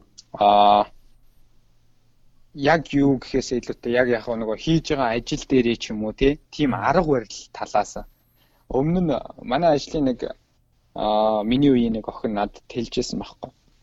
Юу гэсэн мэхээр таймна би миний уншсан нэг номон дээр нэг юм гоё жишээ байна. Ямар жишээ гэхээр тэр нь нэг Япон нэртэй байсан юм аа. Япон. За ямар арга барил гэсэн чинь тэр өөрөө тэр аргыг ажил дээр одоо хэрэгжүүлж байгаа гинэ. 50 минут ингээд төвлөрөө суудаг заяа. Яг хийж байгаа дасах ажил ч юм уу те дарга нь одоо ямар нэгэн ажил өгчих юм бол тэрэн дээр 50 минут хин цаад болохгүй те хинт нэгэнтэй ч уцаар ярихгүй ингээд 50 минут суугаад за одоо 10 минут завсарлана. 10 минут ахтаа солгоогоо сэргээгээд борчоогоор ингээд 50 10 гэдэг зарчим. Энийг тэгээ хүн хүн өөрөө ямар ч байдлаар тохируулж болно 40 20 ч байж болно те. Ийм байдлаар нэг зүйл дээр төвлөрё гэдэг ийм нэг санааг надад хэлсэн. Тэгэхгүй бол бид нар ингээд жишээ нь миний хувьд ингээд маш олон төрлийн өдөрт дасгал авж байгаа шүү дээ. Дасгал гэдэг нь одоо ажил үүргийн таалгуур тийм. Тэнгүүд нэг юм хийгээл сууж байгаа гэнт мэйл ирэн тийм. Мэйл ирэнгүүд за энэ мэйлд гэс хариулчихъя гэлдэнгүүд хийжсэн юм орхол нөгөө мэйлтэй зурлаа. Тэгэл байж гоо тажуунаас нэг хүрээд тайнаа энэ дэр чи юу болсон бэ? Энэ дэр чамд мэдээлэл нөө гээл тэнгүүд нөгөө хүнд мэдээлэл өгөх гээл ингээд. Тэгэл байж хад цангаад ч юм уу нэг ус умаар санагдаад босоод явна. Ингээл өдөржин 11 цаг ажиллаад би ч өдрийн 10 цаг ажиллаад цааны цаг орохгүйгээр а цааны цаг орохгүйгээр 11 цаг ажилтаа. Тэгээд 11 цагийн дараа буунгууд би өнөөдөр юу гараасаа гаргах ч юу гэхээр тоймтой юм байдаг байхгүй. Аа Тэгэхээр альва зүйлийг хийхдээ ингээ юмн дээр төвлөрдөг байя. Ийм дасгал хөдөлгөөн буюу ийм одоо дэгийг өөртөө бий болгоё. Тэгэлж чадах юм бол нэг ажлыг гараасаа гаргаад дараагийнхаа ажил руу ордог ч юм уу. Олон ажил өрчдгүү ч юм уу те. Ийм хоёр зүйлийг өөр дээрээ илүү бий болгоё гэж бодож байна. А дараагийн нэг гой санаа нь ийм санаа. Юмыг ингээд нухацтай яг өөртөө шингээж уншдаг бай тээ яарах биш. Ер нь би амар яардаг болцсон байлээ. Хайш яриад байгаагаа битггүй. Өнгөрсөн 7 хоногт заяатай биш 2 7 хоног юм заяатай би ярьсан. Ухаарлын 7 хоног. Тэгээд заяа надад надад ингэхгүй. За чи ингээд миний ухаарлын 7 хоногоос ингээд story доо ингээд оруулсан байсан тий. Хүмүүсийг уншаарай гэл тий тэгээ оролцсон байсан аах гэсэн чинь аа за чи тэгээд хамгийн их таалагдсан миний тэр нийтлэлүүдээс хамгийн их таалагдсан чи надад нэг хэлдэг их гэхгүй юу? Тэгсэн чи нэг нь санаанд орж ирдээ Гэхдээ чи боолтой зүгээр гарчгийн жинсэн хамаагүй ч те. Дотор нь яг юу эс хэлж тэгвэл би чамд яг дөхүүлээ юу ч тухай тарих ажилтгүй. Юу талгаанд орж ирдэг. Тэгээ би амар ицсэн. Яагаад ицсэн бэ гэхээр хүний имийг ингээл би шеэрлээ те Өстой гоё юм битсэн байна гэж хүнд ингээ хүргээд идэг. Унсан уу бол унсан л яаж тараа штэ муухан уншаагүй ч хүний юм хийж чадахгүй ш. Тэнгүүд би тэр 100% өөртөө шингээж те тогтоож уншааг байгаа байхгүй. Яараа те нэг гоё юм байна да гэсэн сэтгэл хөдлөлөөр уншчихгоотаа ингээ газ өөр хүнд хүрчихсэн гээл яараад шэрлж мэрлээ. Уг нь бол өөртөө шингээж унших хэрэгтэй юм байна л та. Тэгэхээр зөвхөн юм унших биш те хүнтэй ярилцахтаа хүртэл те хин нэгний яриаг 100% өөртөө тэг шингээж сонсдог 100% өөрчлөвгүй ингэж наалтуулдаг. Тийм л баймаар байгаа юм шиг санагдсан. Аа. Тэгээ янз бүрийн энтэй холбоотой янз бүрийн дасгалууд өчнөө байдаг юм лээ. Жишээ нь ингээд нэг өгүүлбэр ингээд хүнийг ингээд өмнөр уншуулдаг гинэ хүмүүс ингээд уулзалт молцолт болдго юм байна л та. Ингээд ингээд за тэрдүгээр бүлгийн тэр хэсгийг уншия гэлдэг ингээд те зөвхөн нэг өгүүлбэр уншичаал тэр нэг өгүүлбэр маань яг ямар санааг илэрхийлэхийг хүссэн байна гэдээ бүх хүмүүс тойроод ярьдаг гинэ тийм уулзал. Тэгээ амар сонирхолтой бас бид нар болохоор ингээд бүхэл ном уншичаал нөгөө номоо ярьж мараа л тий. Гэтэл сүүлийн үеийн чин хандлага зүгээр нэг өгүүлбэр ярьдаг ч юм уу болио л нэг зураг гаргаж ирэл тий.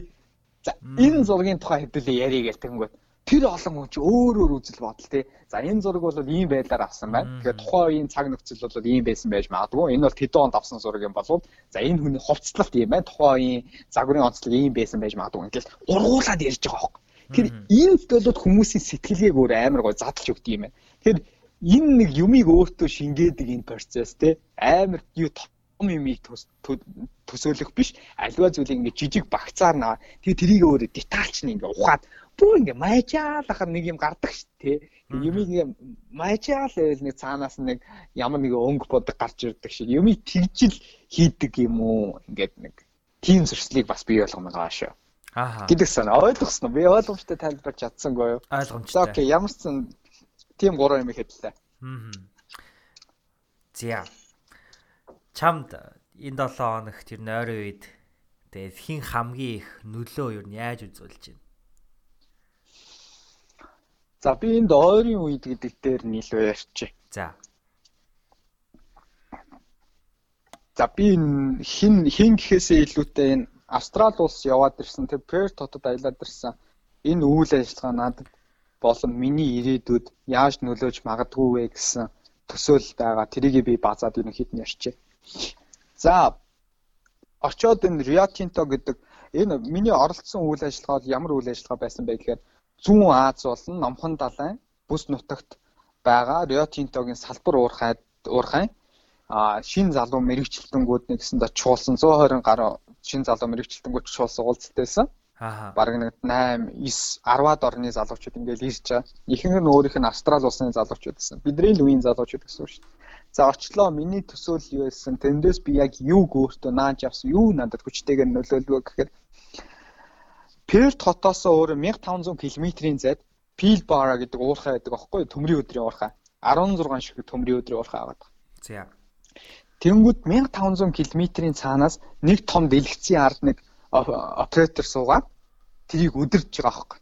1500 км-ийн цаан жолоочгүй том том машинууд, өрмийн машинууд тэгээ нөгөө газрын доороос олборлсон материалаа а далайн бомб руу тээвэрлж байгаа галт тэрэг нь өөрөө хүртэл жолоочгүй. Тэгэхээр бүх бүх зүйл өөрөө ингээд сүүл үед яриад байгаа хиймэл оюун ухаан гэж яриад байгаа. Бүх зүйл автомат болж эхэлж байна л да. Тэрийг би нүдэрээ үзээд ирсэн. Өмнө нь болохоор одоо бүх зүйл автомат болж байна гэж интернетээс юм уу мэдээллээр байдлаар хүлээж авдаг гэсэн мэл өөрөө нүдэрээ үзээд ирлээ шүү дээ. Бүх зүйл нь автомат руу шилжиж эхэлж байгаа. Тэгэхээр дэлхий өөрөө хаашаа явж байна гэхээр үнэхээр бүх зүйл автомат буюу энэ а одоо хоёртын тоолны систем гэж яриад байгаа шүү дээ тийм энэ зүйл рүү бүх зүйл ингээд явж байна. Компьютерийн хэл рүү ингээд бүх компьютерийн хэлээр бүх зүйл ингээд бичигдээд энэ шинжлэх ухаан улам хүчтэй хөгжөөд эхэлж байна. Үүнд залуучууд бид нэр өөрсдийгөө бэлдэх хэрэгтэй байна гэдэг том нөлөөллийг авсан. Тийм. Өмнө нь бол залуучууд ингэж хэлдэг байсан шүү дээ. Одоо маш олон хүмүүс тэр номон дээр уншиж байгаа. Өөрийнхөө хүсэж байгаа юмыг сонго те. Чи юу хийхийг хүсэж? Дуртай мэрэгчлээ сонго гэж ярьдаг байсан бол дэлхийн өнөөдөр маш хурдастай хөгжөөд дэлхийн хандлага чих хандлага хайшаа чиглэж байна. Тэрлүүн чиглэсэн мэрэгчд сонгох цаг үе ирчээд байна гэж би бодож байгаа. Энэ миний бодол. Магадгүй та өөрөө би ийм мэрэгжил дуртай гэдэг утгаас сонгочдөг. Дэлхийн зах зээл арай өөр тийш шилжиж исэн бол магадгүй та дуртай байсан ч таны ажлын байр ирээдүйд эрэлт хэрэгцээнд багасаад ирвэл та яах вэ? Дуртай байсан ч та тэр ажлаараа ажиллах боломж байхгүй шүү дээ. Тэгэхээр дэлхийн чих хандлагыг бид нар харах цаг болчихжээ гэдэг нэг том ойлголтыг би өнөөдөр тэр сүүлийн үеийн техник технологийн дэвшлийг дамжуулж халж чадж байгаа. Тэгэхээр уулуурхайн салбарт ийм зүйл болж байгаа юм чинь бусад бүр технологийн салбар те том том салбарууд байна шүү дээ. Энэ салбарууд бүр ямар хурдастай хөгжиж байгаа бол доо гэж дотроо бодоцуулаа. Энэ бол том нөлөөлөл. Тэгээд ер нь а ер нь бүх зүйл гайхалтай хөгжиж байна бэлгүнэ. Тэгээд заримдаа бид нар яг ямар муухай хоцорч байна гэж бодож байна бид нар гэж бас олон тоон дээр хэлээд яг зарим хүмүүс бол гоё хөл нийлүүлээд алхаж байгаа. Өөр дээрээ л би тэгж жишээ авч байгаа. Тэгэхээр одоо одоогоос нэг 4 5 жилийн өмнө хүмүүс гадаад хэл сурах хэрэгтэй, англи хэл сурах хэрэгтэй гэж бодож ирсэн. Ердөө 5хан жил ингээд өнгөрөнгөт одоо англи хэл гэдэг зүйл дээр нэмэгдээд компьютерийн хэл сурах хэрэгтэй болчих. Хүн болгон дор хаяж нэг компьютерийн хэл тий. Тэр компьютерийн хэл бол ямар нэгэн програмыг хүн ингээд ажилуулж чаддаг. Тэр програмыг уншиж чаддаг бүх хүн болгонд одоо тийм хэрэгцээ болоод байна ш. Дижитал буюу тийм системээр хүмүүс ингэ шилжиж эхэлж байна дэлхийн нэг дээрээ. Тэгэхээр одоо та би компьютер компьютердоо жоохон маруухан ч гэдэм юм уу би програмтай харьцахтаа маруухан би програмын хэл мэдэхгүйгээд суух цаг үе бас биш болчих. Хүн болгон бүр би даагаад үүнийг сурах одоо дадаад хэл сурахтай адилхан энэ компьютерийн хэлийг сурах цаг үе болчихжээ гэдгийг нүдэрээ хараад ирлээ. Тэгээд энэ бол маш том нөлөөлөл байлаа. Дараагийн зүйл нь болохоор тэнд байгаа одоо том том мэрэгчлэтнүүд те дэлхийн хэмжээний ажлын туршлагатай лидерүүд, манлайлагчид тэнд цуглдсан байгаа. Тэр хүмүүсийн амнаас ямар үг гарч вэ гэхээр хүүхэд шиг бай, сониуч бай, тэ. Хүнээс дандаа асуулт очиод асууж, хизээж битгий нэрлэх эрсдлийг өөр дээрээ аав. Юмыг зүгээр хийгээл үз, эхлүүлээл үз тэр эхлүүлээд үзэж байгаа тэр процесс дундаа чи авах хэрэгтэй юмнууд аав те. Бусдаар наан чи ингээл хийж эхлэегүй байж амар том дүгнэлт гаргаад үр дүн гаргаад ийм байх хэрэгтэй гэж бодоод авах ёстой биш. Тэрийг барьж аваад эхлүүлээд үз гэдэг санаа хүмүүс их хэлж जैन, залуу хүмүүст их зөвлөж जैन. За өөр зүйл гэвэл а уул уурхаатай холбоотой зүгээр нэг юм хэлэхэд одоо хүн болго ингээл гар утастай байгаа шүү дээ тий. Аа. Тэнгүүд техник технологи бол маш эрчимтэй хөгжиж байгаа. Тэгээс одоо дараах 4 5 жилүүдэд цахилгаан машины хэрэглээ буюу цахилгаан машины үйлдвэрлэл маш эрчимтэй өсөх хандлагатай байгаа. Үүнийгээ дагаад жишээ нь зэсийн олбор, зэсийн эрэлт хэрэгцээ нэмэгдэн штэ. Аа. Тэгэхээр бид нар ингээд юмыг ингээд том зургаар харах хэрэгтэй юм шиг. Өнөөдөр хүмүүсийн хэрэглээ нэмэгдээд техник технологи дэвшлээд бид нар э, дэвшил бий болоод хүмүүсийн өдөр тутмын амьдрал ингээд хэлбэрчил хэлбэр болж штэ нэгсэн доо. Тэгэхээр үүнд юу нөлөөлж байгаа юм бэ гэж харахад эргээд бид нар ингээд түүхий хэрэгцээ энэ түүхийд олборлох зүйлс зайлшгүй бий болчиход байгаа. Тэгэхээр ийм нэг том тойрог байгаа. Энэ том тойргоор нь харах юм бол эрэлт хэрэгцээ байгаа цагт бид нар нийлүүлэлт байх хэвээр. Тэгэхээр энэ уул уурхай гэдэг энэ үйлдвэрлэл болоод хөгжүүлэх ёстой гэдэг зүйл бол бас бий болчихж байгаа. А гэхдээ эрдэс баялаг бол эдийн засгийн хамгийн том баталгаа биш, цор ганц баталгаа биш. Тэгэхээр энэ уул уурхай олборлолт үүгээрээ дамжуудаад залуу мэрэгчлэн болон боловсролууга бид нар хөрөнгө оруулалт хийх хэрэгтэй, үүгээр орчирж байгаа орлого тийм зүйлийг бол дэлхийн том жишгээс бол хараад ирлээ гэдэг санааг хэлж байгаа. Өнөөдөр Австрали улсын тэр том хөгжил юунаас эхлэлтэй юм гэхээр тэр маш олон уул уурхаагаа бид нар зөв зохистой ашиглаад тэндээс олж иж байгаа орлогоо хувь хүмүүсийн хөгжил тэр залуучуудынхаа боловсролт хөрөнгө оруулсныхаа үр дүнд өнөөдөр Австрали улс дэлхийн хэмжээний улс болсон хөгжилтэй хөл нийлүүлээд алхаа явж байгаа хүмүүсийг амьдрахад тав тухтай орон гэдгээр ингээд маш өндөр үзүүлэлттэй ингээд явж штэ тийм. Тийм зүйлүүдийг олж харсан. Тийм болохоор үүнийг хэн хэрэгжүүлэх юм Монгол дахь хөрсөн дээр хэн буулгах юм гэхээр бид нар л буулгах хэрэгтэй аахгүй сурсан боловсрож байгаа залуучууд бид нэр бий болох хэвээр. Гэхдээ бид нар зогсолтгүй олон улсын том туршлагаас бид нар суралцах хэвээр гэдэг санааг эндээс олж аваад ингээд нэг нүд нээгдэх гэх юм уу. Нэг гой тайвшираад ирсэн. Ягаад тэгэхээр бид нарыг хаашаа яваад байгаа юм бол гээл тэ өмнө нь ингээд исэн болоод аа дэлхийн ийшээ явж байгаа юм байна. Тэгвэл миний зорилго чинь бас ийм юм байна.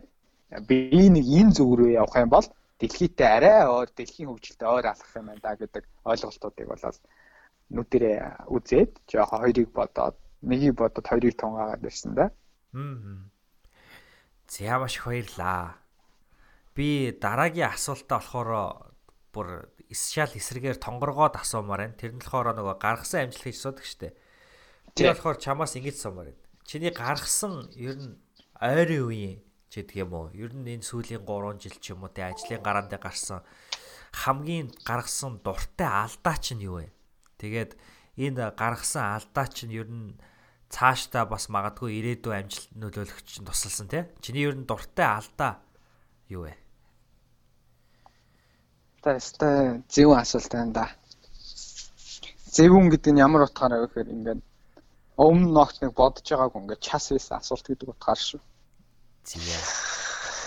Алдаа. Наад дээр чи харин би их алдаад байдээ. Өсөөгөө. Яагаад тэгэхээр ингээд алдаа хийхс би айгаад байдаг байхгүй. Аа. Бүх зүйлийг л төгс хийх гэдэг. Билгүүнээ наваг бол гадралжлаад ингээд юм болгоныг төгс хийх гээл ингээд хичээгээл ийм л байх хэвээр гэж. Тийм тэр маань өөрөө миний хамгийн том алдаа юм шиг байгаа. Гэтэ би энэ алдаадаа одоо билгүүнээс хэлж штэ дуртай алдаа гэж. Би үүндээ дургу болж эхэлж байгаа. Аа. Уг нь бол эрсдлийг би өөр дээр үүрэх хэвээр. Хэвээр ингээл бужигнаа тий. Яавал ч яа гэж юмд ордог. Оо би наадхан ч оролцсон хий гэж явдаг. Тийм баймаар байгаа байхгүй. Тэгэхгүй ингээл заавал нэг э, тий гарцаагүй байдалд ингээ хөдлөх гээд байдаг тий. Гарцаагүй байдалд л ингээ за би хий гэж дуурах гээд байдаг. Энэ маань миний хувьд эрсдийг тооцоод байдаг тий. Энэ миний хувьд том алдаа. Тэгээ энэ алдаахаа дургу болоод одоо бол харин нүүр толж эхэлж байгаа шүү. За. Аль болох ингээд боломж олбол оролцсон оролцсон оролцсон гэж яваад байдаг юм ба. Тэгээд 3 сарын өмнө хоёлаа ярьсан үгүй би тэгж санаад байгаа юм. Гэтэ би яг юугаар хоёлаа ингэж ярьснаа мэдэхгүй байна. Би ингэж хэлжсэн да чи санаж гинөө. За би сүүлийн үед одоо нөгөө яг айжсэн зүйл рүүгээ яг нүүр тулсан тий. Заавал албан шалтгаар одоо хийхээр болцсон гэж тэгдсэн тий. Аха. Одоо ямар ч үр дүнгийн харъя гэж тэгжсэн бол Тэгээ тэр сонсогч нар сонссон билүү үгүй. Үгүй үгүй. Нөгөө хоёлаа ирсэн. Хоёул хоорондоо ирсэн үү? За тэгвэл одоо 4 сар өнгөрчих. Тэрнээс хойш. Гэтэл би анх эхлүүлэхээс айж яасан. Би энэ төсөл дээр ажиллаж чадах болов чадахгүй дээ. Би энэ гадаад мэрэгжилтэнд энэ хүний одоо соёлын онцлог тааруулаад энэ хүнтэй ойлголцоод явж чадах болов гэж ай бүүн айдсан баг. Тэгээ айдсан чинь одоо 4 сар өнгөрсөн байна энэ төсөл маань энэ ондоо багтаж дуусах хэрэгтэй байсан. энэ ондоо багтаж бид нар дуусгах гэж байна. 12 сарын сүүлчээр энэ төсөл маань ингээд аль биесээр нэг гэж байна. Ингээд бодоод үзэхээр тань ард нь гарцсан л байна шүү дээ тий. Тухайн үед би айгаад магадгүй ингээд тав дахьтай бусдыг үлдээд би чадахгүй хаа гэд тэр ажлын санал татгалцсан бол өнөөдөр би энэ 4 сарын хугацаанд энэ олж авахгүй мэдрэмжийг авч чадахгүй байсан баг. Тэгэхээр энэ эрсдэл рүү түлхсэн тэр хүнд бас баярлалаа. Аа. Тухайд би жоохон доргоо хурж ийсэн бол өнөөдөр тэр хүнд баярлж байна. Нааг энэ эрсдлээр түлхэсний үр дүн энэ төсөл маань өнөөдөр дуусч байна. Маш олон хүмүүсээс төслийн менежментийн талаар төсөл яаж хэрэгжүүлдэг гэдэг процессыг би ойлголоо. Ер нь бол гоё байлаа. Тэгэхээр алдаа гэдгийн хувьд бол ийм алдаа байсан. Харин энэ алдаагаа засахын тулд ийм алхам хийчихэд байна гэдэг санаагаар хариулъя. Ааха. Тэгэхээр чи яг энэ 4 сарын өмнө ийд эхлүүлсэн зөвлөлчөд магадгүй бас яг энэ Австралид очисон хойж бас хэрэг болсон гэж бодож чинь зөв. Мм мэдээж тэгэлгүй яах вэ? Ааха. Зя. Долдоод асуултаа штэ. Тэрийг болохоор ингэж сумаар л да чи ингээд ай өөрийнхөө амьдралаас ойлгосон сургамж те сурсан ухаарлаа тэгэр зүйлээ нэг мэм годомжинд маш том самбар дээр бичээд нэг өгүүлбэрт багтаагаад наан гэвэл ерөнхийдөө ямар шоу өгүүлбэр бичиж тавих бол ер нь одоо сүүлийн нэг хэдэн жил тэ ухаарсан нэг зүйлээ. Тэгээ чиний тэр бичсэн зүйлийг чинь Монголын хүн болгон магадгүй үзнэ гэвэл уншина гэвэл юу авах вэ? За ер нь бол зөндөөн гой том юм байгаа. Гэтэ найз нь шууд толгоонд орж ирж байгаа шууд хэлье. Юу гэж хэлэх вэ гэхээр би өнөөдөр та ямар асуулт асуусан бэ гэж бичнэ. За. За яагаад гэж амар пиник сонсож байгаа. Аа сүүл би нэг юм яриа хонес сонссон. Тэгээ тэр надад их гоё буусан. Би ингээд өнгөрсөн амьдрал хараад үзэхэд яг л энэ ярьсан зүйл миний бүх зүйлийн суур хүчин зүйл байсан байгаа. Аа. Юу гэж хэлсэн бэ гэхээр бид нар ингээд аа хүүхэдтэй хүмүүс одоо цэцэрлэгээс хүүхдээ авах ч юм уу дүүгээ авахта чи одоо жишээ нь юу гэж асуух вэ? Хинээс. Одоо за чи одоо хүүхэдтэй байлаа гэж бодъё. Тэгээд хүүхдээ ингээд цэцэрлэгээс авлаа л та. Аа за. Ингээд уулзсан гутаа чи хамгийн түрүү хүүхдээс юу гэж асуух вэ? Бодохгүй шүү дариулаа шүү өнөөдөр зугаатай эснэ. За за янзтай. Угаасаа зугаатай аавал та. Зугаатай аав юм чи одоо ийм асуулт асуухгүй яа. За. Хүмүүс ингэж ихэнх хүмүүс ингэж хариулт юм байна л да. За өнөөдөр цэцэрлэг дээр эцэг хоолндоо цадсан уу?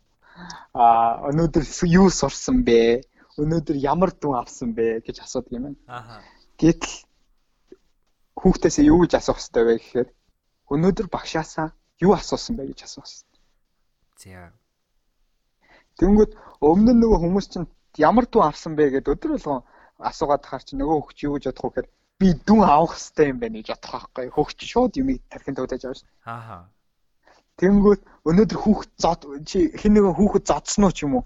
Хэн нэгэн хүүхд миний хүүхд зодсон уу гэдэг юм бол а би нэг зодоо хийх л ёстой юм байна гэсэн ойлголт авч мага болно шүү дээ. Хүүхд чи юм ингээ шууд хүлээж авдаг цайлгаант юм чинь.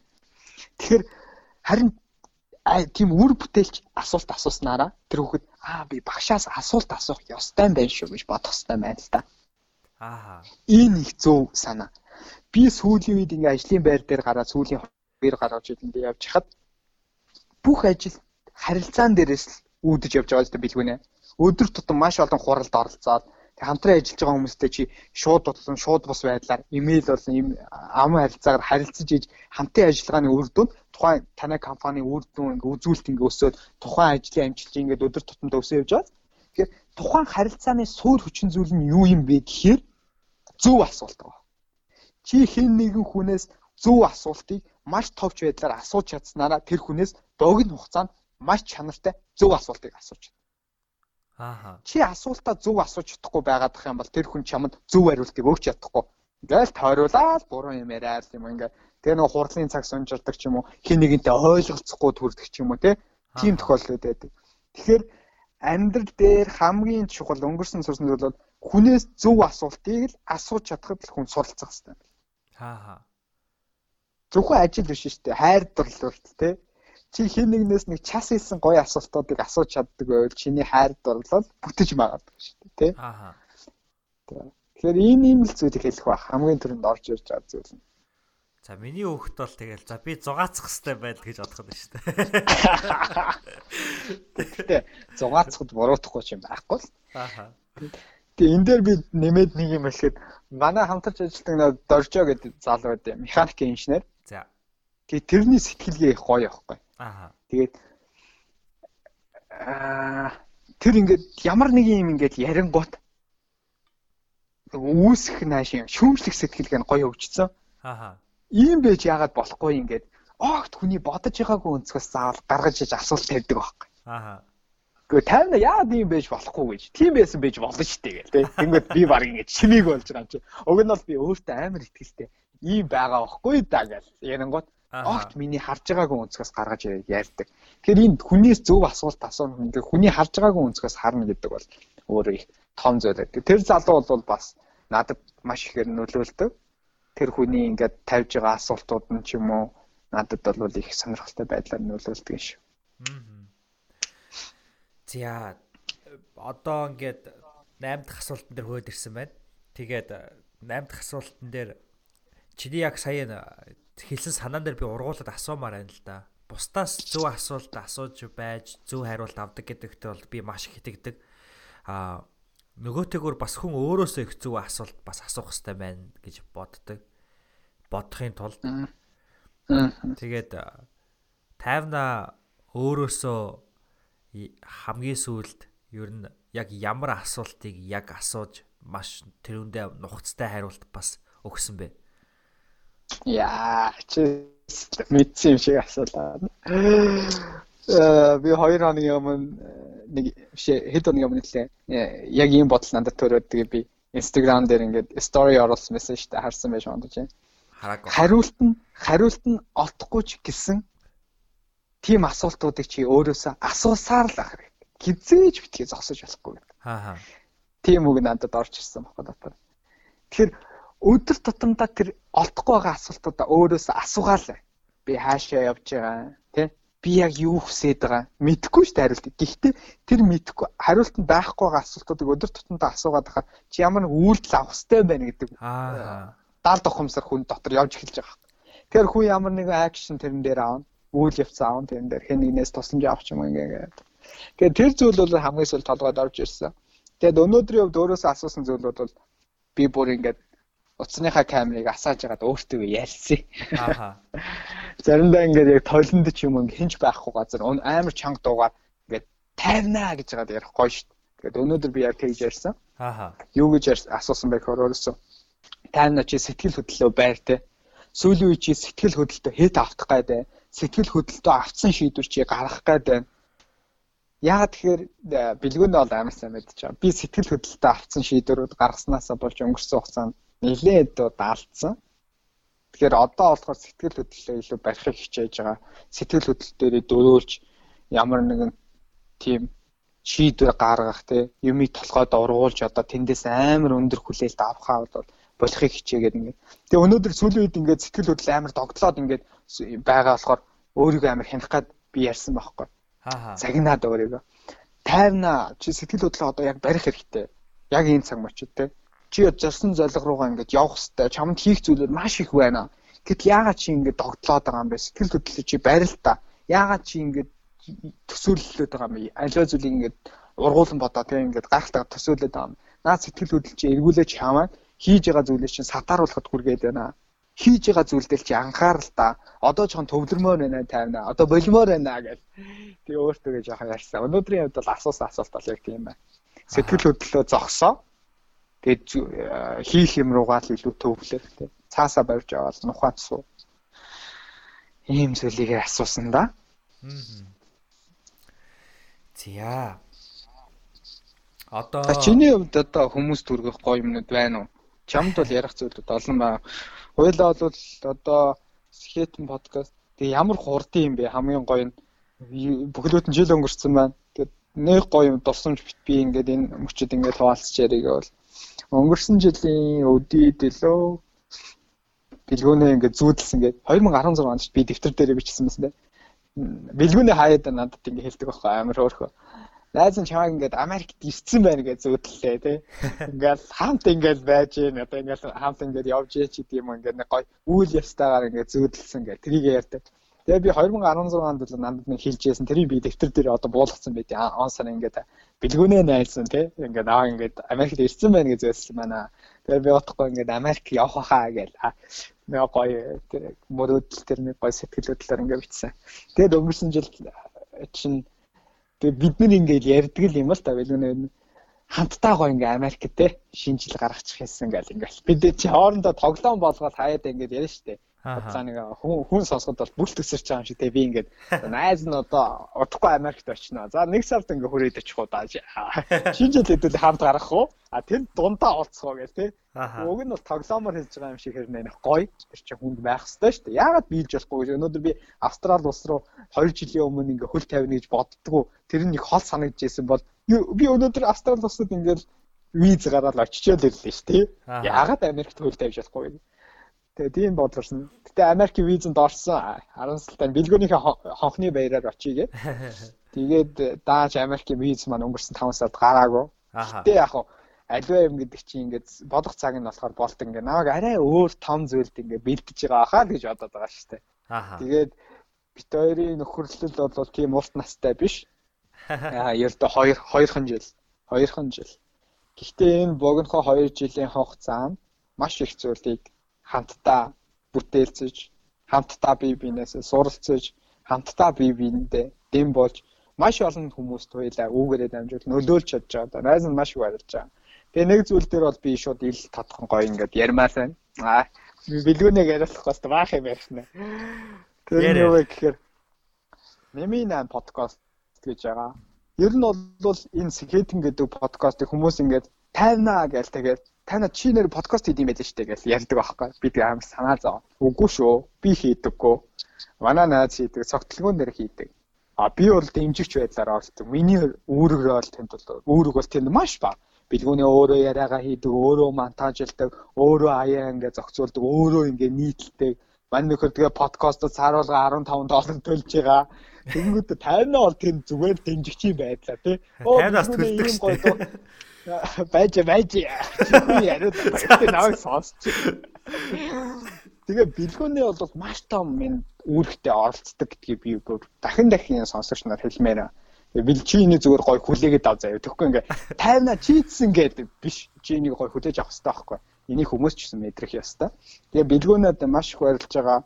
Тэгээд бэлгүүний энд оролцоотой шүү гэдэг нэгтлийг маш их үүрэгтэй шүү. Энэ бол бэлгүүний ингээд явж байгаа. А харин бэлгүүнээ үргэлж нэг зүйл нь хэлдэг нь бэлгүүнээ хүрээлж яадаг энэ хүмүүс зүгээр бэлгүүнийг ингээд болж ийн гэдээ алгадчихаа бэлгүүнээд урам өгөөд бэлгүүнээд ингээд энийг хийх сэдвийг өгдөг хүмүүс болоод бас маш том хүч явахгүй. А бэлгүүнээ ийм хүч э, хүрээлж байгаа энэ сайхан найз нөхөд энэ хүмүүс ингээ бэлгүүнийг шахаад за бэлгүүнээ подкаст хийсэ гаргах чинь бэлгүүнээ ингэрээ өстой гоё болсон шүү гэд байх хүн байхгүй бол эн чинь нөгөө бензингүү бол машин хөдөлгөөтэй адил бэлгүүнээ бас өдөр тутамд ангиж хөдөлж чадахгүй. Тэгэхээр энэ том баг айл гэрүүл ингээ хамтдаа гоё нэгдээд бид нар ингээ найз нөхөд хамтдаа нэг зүг рүү ингээ явж байгаа. Маш их баярлалаа. Тэгээ нэг зүйл дээр өөрчлөлт гоох хэрэгтэй. Тэр нь юу гэхээр би нэг нэг сарын өмнө би ч их шодрог нөхөө штэ. Тэгээ бэлгүүнээ шууд нэг өдөр жоохон би дургуурээ да. Жоохон уур хүрсэн байна. Бэлгүүнээр юу гэж хэлсэн бэ гэхээр бэлгүүнээ чи Сэхэтэн подкастын цаашдын зорилго чи юу вэ те? Аа Сэхэтэн төслийг чи яг юу гэж харж байна? Тэгсэн чи маань нөхөр аа одоо найз нь бол яг ингээд цаасан дээр буулгасан юм юу гэдэг. Тэгтээ найз нь бол дотор бодсон юм байна. Тэгээд хамт ингэ хэлж байна. За цаашдаа чи Сэхэтэн подкастыг надтай ингээд хамтдаа ингээд хийгээд явахыг төсөөлж гин үү? Эсвэл одоо нэгсэндээ чи ганцаараа энийг ингээд хийгээд явахыг хүсэлтэй байна уу гэд шулуух натыг асууж байгаа. Тэгсэн чинь баанах аа яг хөө тэгээд явандаа бол хоёлаа тий ингээд тус тустаа мэдээж мөрөө хөөгөөд явах гэсэн юм нэг бол би бүр оо гэдэг энэ яасан? Оо энэ тий за чи тэгвэл ийм бодолтой байдаг юм байна тий тэгээд бараг л би тэгвэл өөр тусдаа подкаст хийлээ тий яг тийм болсон байхгүй хүмүүстэй сонсогчтой байгаа нэг нэг би тухай жоох уур нэгсэн байхгүй бэлгүүнээ тэгээ шууд жоох уурандаа бэлгүүнээр тэгээд хандцсан тэрэн дээр би уучлалт авах хэрэгтэй найз тэгээ бэлгүүнээ юу гэж хэлчихсэн уг нь санаа нь бол бэлгүүний ингэж хэлсэн байгаа байхгүй надад а 50 өөр подкаст би дагаад хийхийг хүсэж байгаа юм байна тий. Тэрийг бол би ингээд чамайг ингээд би ингээд татаад авахгүй шүү тий. Заавал чи надтай байх хэрэгтэй гэ би одоо чөдөр тушаа болоод байхгүй. Чи хэрвээ гой подкаст хиймээр байгаа бол дуртай хийгээ яваарэ тий. Найз нь харин тэрэн дээр чи дэмжин шүү гэдэг утгаар хэлсний би ч оор өрөөд энэ мүү ингээд ирээдүг хавтаа төсөөлөхгүй байхтай яа тий. Тугайж оор өрөө бэлгүүнээрээ тэгжээсэн. Тэгээд энэ подкастын ард ингээд маш олон ингээл үл ойлголцох зүйлүүд Викторийн хувьд бол баг гардаг. Сүүлд нэг ингээ үл ойлголцсон. Тэрэн дээр найз нь бас яг энэ ол сонсогчдийнхаа өмнө чамаас бас өөрчлөлт авах хэрэгтэй. Хой жоох нэлээ түргэн зан гаргаад ингээд сэтгэл хөдлөлтөд автаад ингээд жоохон дургу өрөөд байсан. Уучлаарай. За за за. Зүгээрээ. Чи чи гэхдээ Чи чи гэхдээ тэр үед чи гид орж ирснэ. Би нэрээ подкаст хий гэж бодож байгаа гэдгсэн штэ. Тэгсэн тэгсэн. Яагаад гэхээр ингээд би нэг зочинтой ингээд нэг бас нэг юм хиймэр хүслээ штэ. Ингээд гой зочинтой юм аримарч юм штэ. Тэгэнгүүтээ ингээд нэг тэр нь өөрөө бас сэтгэл хөдлөлт авцсан зэрэг аахгүй тухайн үедээ.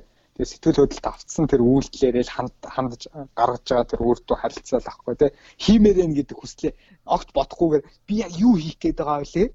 Би яг яах ёстой вэ гэдэг дүн шинжилгээ хийхгүйгээр нэгсэндээ бэлгүүнээр цогт өгж шít те. Би подкаст хиймээрээ тэгэл те. Аа. Тийм зүйл нэг болсон болсон. Гэхдээ чи бол надаас асуусан л да. Скетэн дээр ингээд нэг сувг нээгээд хийх үү эсвэл тусдаа хийх үү гэдэг чийсэн. Тэг тийм учраас тийм учраас том зүйл бол биш ээ. Гэтэ уучлахгүйсэн баярлаа. Гоё байна. Тэг гэж өөрийгөө энэ хүмүүс ингээд яг үнэ. Хүмүүс ингээд ойлголцох хэрэгтэй шүү дээ. Битээр амар хосооч гэдэг. Хосын юм шиг. Ямар нэгэн асуудал гарвал энэ үг ингээд шууд ярилцах хэрэгтэй те. Бэлгүүнээ чи ингээд би тэгдэг байхгүй бэлгүүнээ чи ингээд энэ энэ яг яах гээд байгаа юм чи тэнийг хэлдэ гэх те амар муухай шолоохон Ааха. Бэлгүүний энэ чи энэ зан чи надад яах гэдэг ч мэдгүй. Чи нэг бол таалагдахгүй байна уу те. Нэг жоохон манай доо муутай яагаад хаа. Чи надад таалагдахгүй байна уу тэгвэл хэлэлтэй гэж би шууд тулгачдгийг. Ер нь ингээд гоё ярилцсан дээр идэг шүү. Зүгээр энэ нэг бас хүмүүст өгж байгаа санаач яа. Хүнтэй хэрвээ дотроо чи ингээд энэ яах гээд байна гэж түн бүм асуулт асуугаал дотроо шаналаад явж байхаа оронд шууд ярилцах хэрэгтэй байна. Аа. Зя. За надаа нэг юм сонирхолтой түүх байна подкастын сүлд бас зүгээр дуртахад бас 50-агийн ярьсан зүйл дээр нэмээ ярихад тэр нь юу гэхээр сая уржиг дээр би яг Чикаго хотод байхдаа за бар Чикаго хотод байхдаа би нэг хуучны найзтайгаа одоо хуучин найзтайгаа уулзсан. Тэгээ хуучин гэдэг нь юу хэлж ийн гэхээр найрамд цусланд би одоо 10 дугаар ангиа төгсчөөд лөө 9 дугаар ангиа төгсчөөд явж исэн. Тэгээ яг тэр тэр үед чинь Тий, эсвэл бүр үгүй ээ, бүр 8 8 дугаар ангидаа ч хийж магадгүй шүү. Яагаад тэгэхээр би тэр үед чи нөгөө и залуус гэ вебсайт ажилладаг байсан. Тэгээд э, тэр залуу болохоор одоо залуу болсон те. Тэр үедээ хүүхэд байсан. Тэр хүүхэд болохоор намайг би нэг юм Fedora малгайтай. Тэгээ миний тэр нэг саарл малгайг хараад ирээд чи и залуусын цогтоо юу гэдээ наваа таньсан аахгүй. Тэгээд тийм гэсэн чи би би и залуусыг э, уншдаг штэ гэ. Тэгээ бит хоёр нөгөө Yahoo Messenger дээр найзууд болж таарад. Тэгээд сод бэлгүүн гэдэг тэр залууг. Тэгээд сод бэлгүүн бит хоёр яг найрамдалд одод тусланд нэг биш одод бүлэгт нэг одоо бүлгийн нэг өрөөнд бүр ингээд хүүхдүүд болоод ингээд хамтдаа орж исэн. Тэгээ тэрнээс хойш одоо магадгүй 10 жил ч юм уу 8 жил ч юм уу нэлээ одоо жил өнгөрт олон жилийн дараа бит хоёр ингээд Чикаго хотод манай найз зөвхөн бид гурав ингээд уулзсан. Тэгэхээр ер нь бол хүүхэд байхдаа танилцсан хүмүүс бараг нэг үе шахуу уулзахгүй байж байгаа залуучууд болсон хань уулзж байгаа байхгүй. Тэгээд манай залуу содэлгүүн болохоор их тийм хийж бүтээх хүсэл эрмэлзэлтэй. Аа гэхдээ ер нь бол тийм ганцаараа юм хийж бүтээхийг бол хүсэхгүй л байна л да. Миний ажигласнаар. Тэгэл ингээл надтай ингээ уулзчаал ингээл би нэг ийм юм хиймээр байна. Чикаго хотод бол маш олон монголчууд байна. Тэгээ энэ монголчууд руугаа хандсан, энэ монголчуудаа хөдөлгсөн одоо тийм гой зүйл хиймээр байна гэл ингээ ярьж байгаа. Тэгээ надад одоо маш сайн юм хамтрагч хэрэгтэй байна. Ер нь ингээд Америкт байгаа одоо бас ийм чамтай адилхан бас ингээ юм хийж байгаа ийм залуучууд байна уу чамд манд гэл ингээл надаа ингээл яриа л. Тэгэл ерөнхийдөө бол ярьж байгаа зүйл нь бол нэлээд тийм хамтарч ажиллах хүн олоод түнтэйгээ хамтарч их том юм бүтээх гээл байна л да. Тэгэхээр би тэгсэн машинд явж байхад машинд нь явж байхдаа чи ер нь ингээл заавал хүнтэй ингээ юм хамт хийх гээд байдаг хүн байна те. Би бол ер нь бол ингээ ганцаараа л юмыг ер нь ингээ хийчих гээд байдэн ш гэсэн чинь надад тэгсэн аахгүй. чи тэгээ скетэн подкастыг 50 натаа хийдэг үсттэй. Гэт тэгээ би тийм гэсэн чи 50 наа чинь тэгээ чамд амар гоё хамтрагч байдаг үсттэй. Чамд хи амар зөв юм чинь хилдэг. Чамд маш зөв зөвлөгөө өгдөг гэд. Тэгээд тэгэл би тэр үед бол гинт өөрийнхөө баг асуусан асуултантаа санаа зовоод нэрээ тийм штэ би чи юмыг ганцаараа хийсээс илүү бас хамтрагчтай хийсэн хийхээрээ илүү амжилтанд хүрсэн, илүү ер нь хол явсан, тэ? Ер нь бол хамтрагч гэдэг амар чухал юм байна. Тэгээд ер нь бол амар түшигтэй байдаг. 50 натаа хамтарч их тэгээд 50 өөрийгөө их дарж л ярьж ин л та. Тэгээ одоо жишээ нь сая саяны баг гарсан зочинтой гарсан дугааруудын 3 4 дугаар бол бүх зочдод нь болохоор 50-аа өөрөө бүх урилга загтлуудыг гараараа бичээд тэр загтлуудыг зочдод маань илгээсэн байгаа шүү дээ тий. Оюка байна, уянга байна. Аа хин ингэчин байна. Энэ дуу зочдод бүгдөө 50-агийн одоо гарын гараар бичсэн урилгаар орсон те. Тэгээ энэ бүхэн бол ингээ надад маш тийм одоо зөөлөн дэр бол өгч тийм сайхан байсан. Тэгээд үргэлж 50-аад тийм артлт тийм сайхан дэршиг дэршиг байдаг зөөлөн дэршиг. Тэгээд өөрөөр хэлбэл нэг тийм ганцарт ганцаардаж ганцаардахгүй газардахгүй гэсэн мэдрэмж өгдөг. Тэгээд тийм учраас 50-надаа бас баярлаа гэж хэлмээр байна. Тэгээд нэг тийм түүх болсон юм да сая хэдхэн хоногийн өмнө. Тэгээд тэг чид хоёрыг одоо яг хувийн зүгээс бол танихгүй шүү дээ сод дэлгүүн гэдэг залуу те 50 гэдэг хүнийг танихгүй. Гэтэл бол ингээд зүгээр ингээд сошиал медиа ертөнцөөр ингээд харагдаж байгаа хэм маягаараа л дамжуулагдаад шууд мэдээ өгч байгаа мэдрэмж нь 50 гэдэг хүний одоо энэ бас оршихуун те ямар хүчтэй нөлөөтэй нь бол бас босод хүмүүс мэдрэгдэж байгаа нь үнэхээр гайхалтай юм аа. За баярлаа. Тэгээд энэ дээр би дахиад юм нэмж хэлнэ. За. Би бэлгүүнийг яг ингэж анзаардаг. Бэлгүүний ч өөрөө яг тэр юм мэднэ чинь а өөрөө ингээд гүйцэтгэлийн хувьд болохоор аливаа ямиг гараас гаргах тэр гүйцэтгэл дээр ажиллах хувьд яг ганцаараа сууж байгаад ажиллавал энэ хүнээс өөрөвтэй маш сайн гардаг. Би хэлээд байна шүү дээ тий та бүхэнд одоо яг 58 дугаарыг энэ хүн өөрөө монтажлаад өөрөө бичээд өөрөө бүх гүйцэтгэл дээр ажилласан байхгүй. Би нэг ч энэ дугаар дээр Сэдний подкаст дээр би ингээд монтажлаад дууг нь ард нь тохируулах хийгээд би нэг дугаар дээр нь суужсэн тохиолдол байхгүй. Өөрийнх нь номын хилцүүлэг дээр манай бэлгүүний энэ дээр за тайна бүр надаас гүйж явуулдаг. Тайна миний найз тэр подкаст юушээ MP3 чи ингээд над руу ширлчээж тэнгууд найз нь тэр чинь татаж аваад гой монтажлаад ай тавиад ингээд постлё гэж бүр надаас гүйдэг. 50 нөхөр яах вэ энд ингээд залхуураад за за за хийчихэн тий. Ингээд байж яадаг. Тэнгүүд бэлгүүнийг ингээд ажиадахад гүйцэтгэлийн төвшин дээр угаасаа энэ хүн ганцаараа ажиллаж байгаа скетэн подкаст дээр ганцаараа нухад сууж хагаад гараас юм гаргах та маш сайн. А багаар ажиллаж байгаа гэдэг зүйл нь ямар зүйл дээр яригадаад байна вэ гэхээр энэ хүн бусдаас зөвлөмжийг, бусдаас өгж байгаа шүүмжийг маш сайн авдаг. Яг ингээд бусдаас бүх юмыг цуглуулж хагаад аа нэрийн ингэчүүл дээр юм байна, ингэчүүл дээр юм байна. Маш олон санаануудыг авч авч агаад өөрөө тэр зүйлүүдийг бүгдийн сайхан нийлүүлээд тэр гүйцэтгэлийн төвшөнд өөрөө нухацсуугаад гаргадаг. А тэгэхээр энэ Сэлэтэн гэдэг подкаст энэ төслийг ингээд дээр ингээд томроод ирвэл мэдээж баг болгоны хүмүүс нь өөрийн гэсэн үүрэгтэй тэр үүрэгт ажиллаа хийгээ явах байх л та. Подкаст гэдгийн хувьд бол бэлгүүний яг ингэж ажилтдаг шүү. Энэ Сэлэтэн подкаст яг ингэж үү. Алталт нь маш том баг байгаа юм шиг харагдаад байгаа боловч гүйцэтгэлийн төвшөнд бэлгүүнээ ганцаараа хийдэг бүх зүйлийг.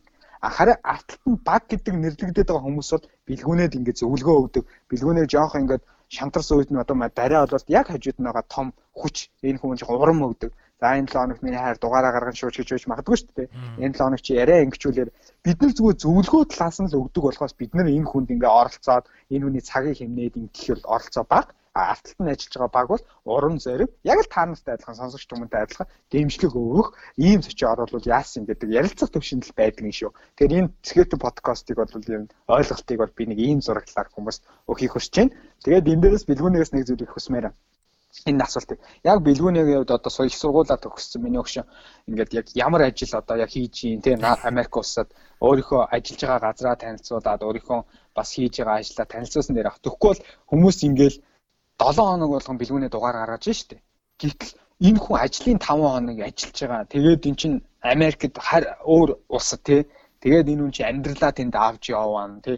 Энэ их ажлын хажуугаар хагасны өдөр амралтын өдөр бол энэ хүү одоо унтааж байж ах энэ үг байх. Тэгэд Америкт одоо хэд болж байгаа лээ? Өглөө. За 7:30 ясалж. Бараг 6-г болсон байгаа байхгүй мэн нөхөр энэ амралтын өдөр 50 гэдэг хүнтэй ажлын цаг энэ ярих цагийг тааруулахын тулд тэгэхээр энэ хүү амралтын өдрөөрөө хүртэл ингээ нойроо хугаслаад энэ чи ажлынхаа хажуугаар энэ подкастоо 7 хоног болгон тасралтгүй хийгээ жил явцсан байна. Энэ хүмүүст хүргээд байгаа. Тэр бэлгүүнийг ийдэг ажиллаа тий. Бас энэ хүмүүст ингээ танилцуулаасаа гэж би бол хүсэж байгаа. Тэгэхгүй бол нөгөө бэлгүүнийг подкаст хийдэг л гэдэг утгаар хүмүүс мэдээд идэг. Энэ хүн ямар одоо Америк энэ чи Америкт ажлын байраар ингээд олцсон ажиллаж ийн гэдэг бол миний хувьд бол том бахархал найзаараа. Юм бол чи энийгээ бас хүмүүст хэлээч ээ гэж найз мөгсөж. Би ч бас мэддэггүй чи надаас ингээд нуугаад идэг. За нөгөө за ерөнхийдөө бол ингээд подкаст бол өндөрлөх нэлээд өгч байна. Аа бас нэлээд удаа ярилцсан байна. Тийм учраас найз нь бас энэ асуултанд нь товч өгөө тодорхой хариулаад тэгээд эцсийн одоо нэвтрүүлгийнхаа эцсийн хормыг бас чамд өгье гэж бодож байна. За тэгээд чиний сая сая хэд сая сая хэдэн минут бол би бол чамтай ярилцаа бүр хавтгаарч доослаа. Нөгөө англи хэлэнд flattering гэдэг штэ тэг ингээ багтуулаад тахаар чи бүр ингээ хавтгаарчдаг гэдэг. Тэгээд хавтгаарч доослаа. Тэгээ баярлаа маш их баярлаа. Үнэхээр мэдээж хэрэг сайхан байна. Тэгээд хүнээр магтуул, хүнээс ургамын үг авах. Тэгээ ялангуяа хийж байгаа зүйлээ үнэлүүлэх те. Тэгээд ялангуяа өөрөө хийсэн зүйлтэй өөрөө хийдэг юмтай байж ээж өөрөө хийгээгүй юм шиг нөгөө хүнээ магтдаг. Энэ бол маш том давуу тал. Тэгээд тайнаад маш их баярлалаа. Тэгээ сонсогч нар маань ч гэсэн бас хүмүүсийг таймнаа шиг магтаарай. Ямар гоё ядгийн. За тэгээ найз нь яг одоо хаана ажиллаж байна вэ гэхээр би бол өөрөө Америк нэгдсэн улсын Миннесотагийн их сургуулийг төгссөн. Тэгээд яг энэ Миннесотагийн их сургуульд сурж байхдаа хүмүүс ингээл за чи одоо дараа нь яах гэж гин өөр тийшээ явах гэж гин үгээл тэгдэг. Тэгээ би яг нэг хилдэг байсан юм аа. Айгуу сонио хүмүүс би нэг яг ихэр хотод гэдэг аахгүй? Миний амьдарч байгаа газрыг. Тэгээ Миннеаполис гэдэг хоттой хажуу талынх нь хот нь болохоор Сент Паул гэдэг нийслэл хот нь Миннеаполис нь том хот нь. Тэгээд би хүмүүст зүгээр би яг нөгөө яг энэ ихэр хотуудад амьдраад нэг 2 жил болсон. Өмнө нь болохоор жижиг хотод амьдарч исэн. Тэгээд би ихэр хотуудыг арай одоо мэдэрч бас дуусаагүй байгаа. Тэгээд дахиад бас ихэр хотуудыг мэдэрмээр байна гэж хүмүүс хэлдэг байсан. Тэгээ яг ингээ манай сургуулийн бас ингээ кампус Миннесотагийн сургуулийн ингээ кампусаар ингээ нэг гүүр гэдэг аахгүй юу? Яг төмөр замын дээгүүр ингээ явдаг гүүр. Тэгээ тэр гүүрэн дээр ингээ явж хахад манай Миннеаполис хотын нөгөө өндөр барилгууд ингээ харагддаг. Тэгээ тэр өндөр барилгуудаас ингээ нэг юм гурван өндөр барилга айгүйх товааж харагдтыг. Тэгээ би тэр гурван өндөр барилгын тэр гурван өндөр барилгын хажууд ч юм уу ер нь тэр гурван өндөр барилгад ажиллах юмсан гэл ингээл боддог байсан аахгүй юу. Тэгээд яг одоо бол яг тэр гурван өндөр барилгын хажууд ажиллаж байгаа. Тэгээд яасан гэхээр би яг одоо ажиллаж байгаа ажилдаа орчоод нэг өдөр дулаахан байсан юм а 8 сард ажилласан юм чинь тэгээд ажиллаж эхэлсэн юм чинь тэгээд нөгөө одоо байгаа офисоосоо гараад агаар амьсгал гал ингээл гараад дээшээ харсан чинь яг нөгөө гурван байшин чинь ингээд өөд өөдөөсөө бүр яг горуулаад ингээд бүр нэг үн бүхийж ирээд харж байгаа юм шиг надруу ингээд харж байна.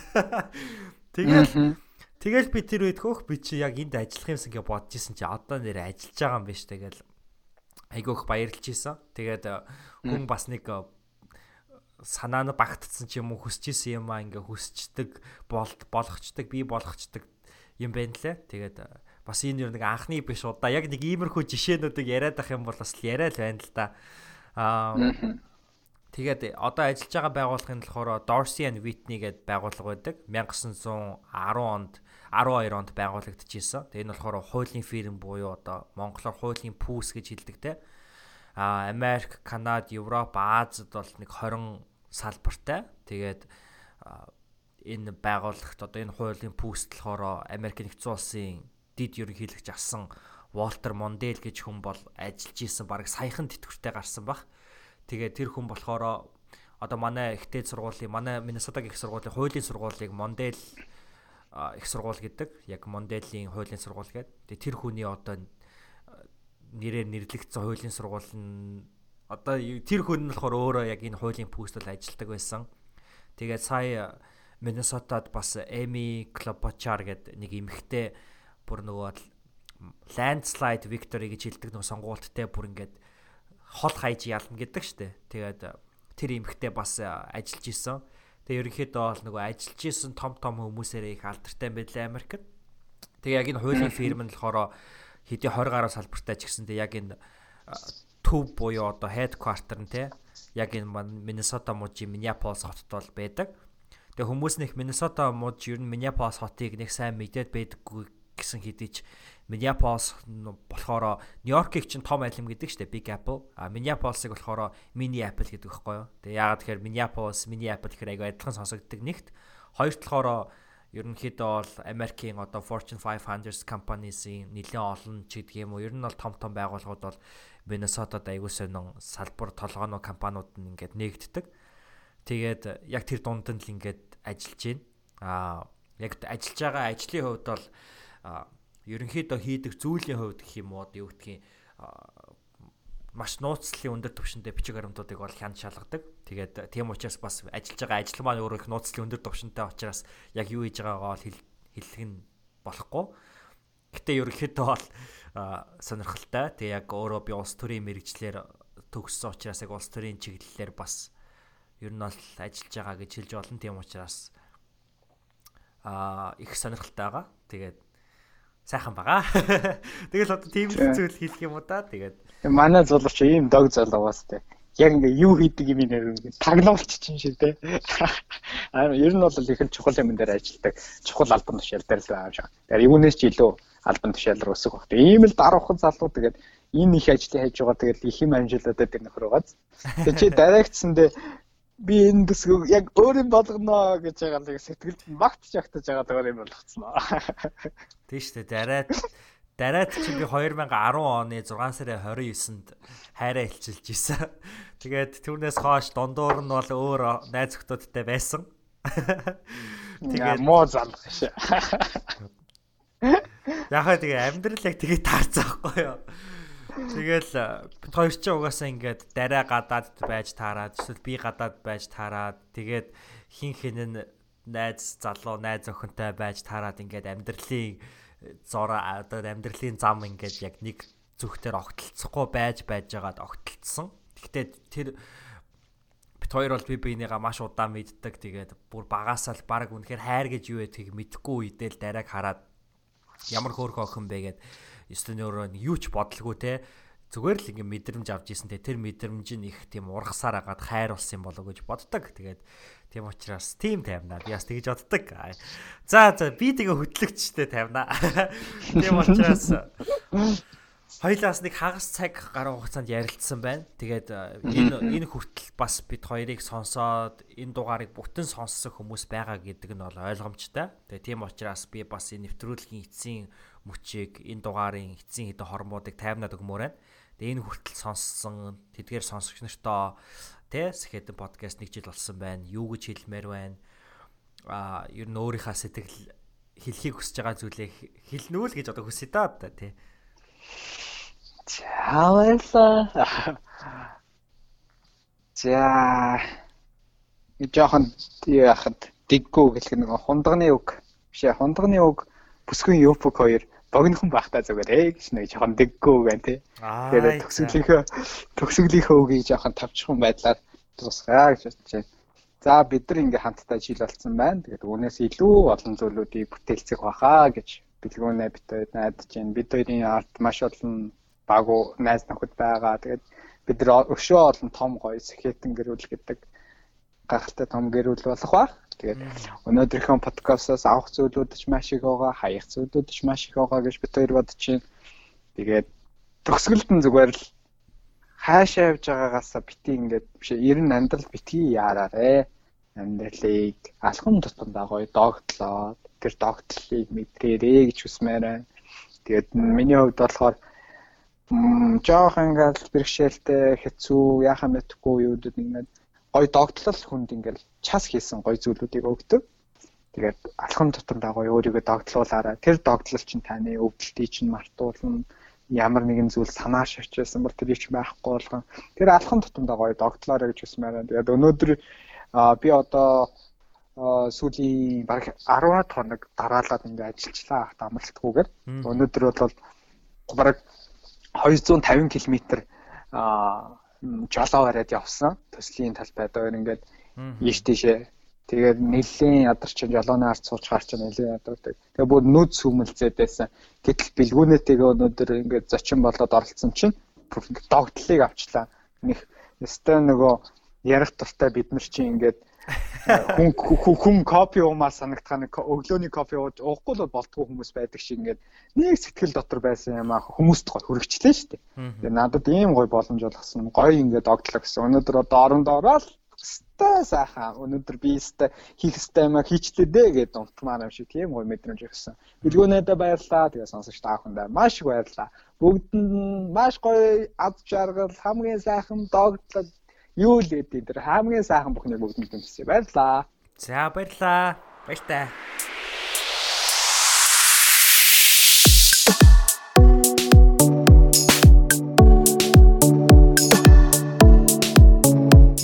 Сэхэдэн төслийн хүрээнд бэлтгэн хүргэдэг Нями 8 подкастын маань 57 дугаар дугаар өндөрлөж байна. Бид бүхэнтэй өнгөрсөн 1 жилийн хугацаанд хамтдаа байж ийхүү 2 дахь жилийнхаа аялалдаа хамтдаа гарч буй танд маш баярлалаа.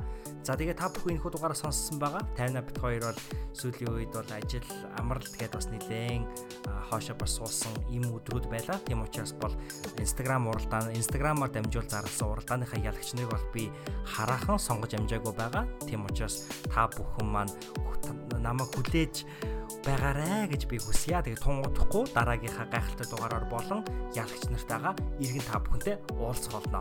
Та бүхэн энэ хүү сараа энэ сарынхаа сүүлчийн хэдэн хоногуудыг маш хүчтэй, маш жаргалтайгаар өнгөрүүлэх болтугай гэж би хүсэж ерөөе. Баярлалаа, баяртай.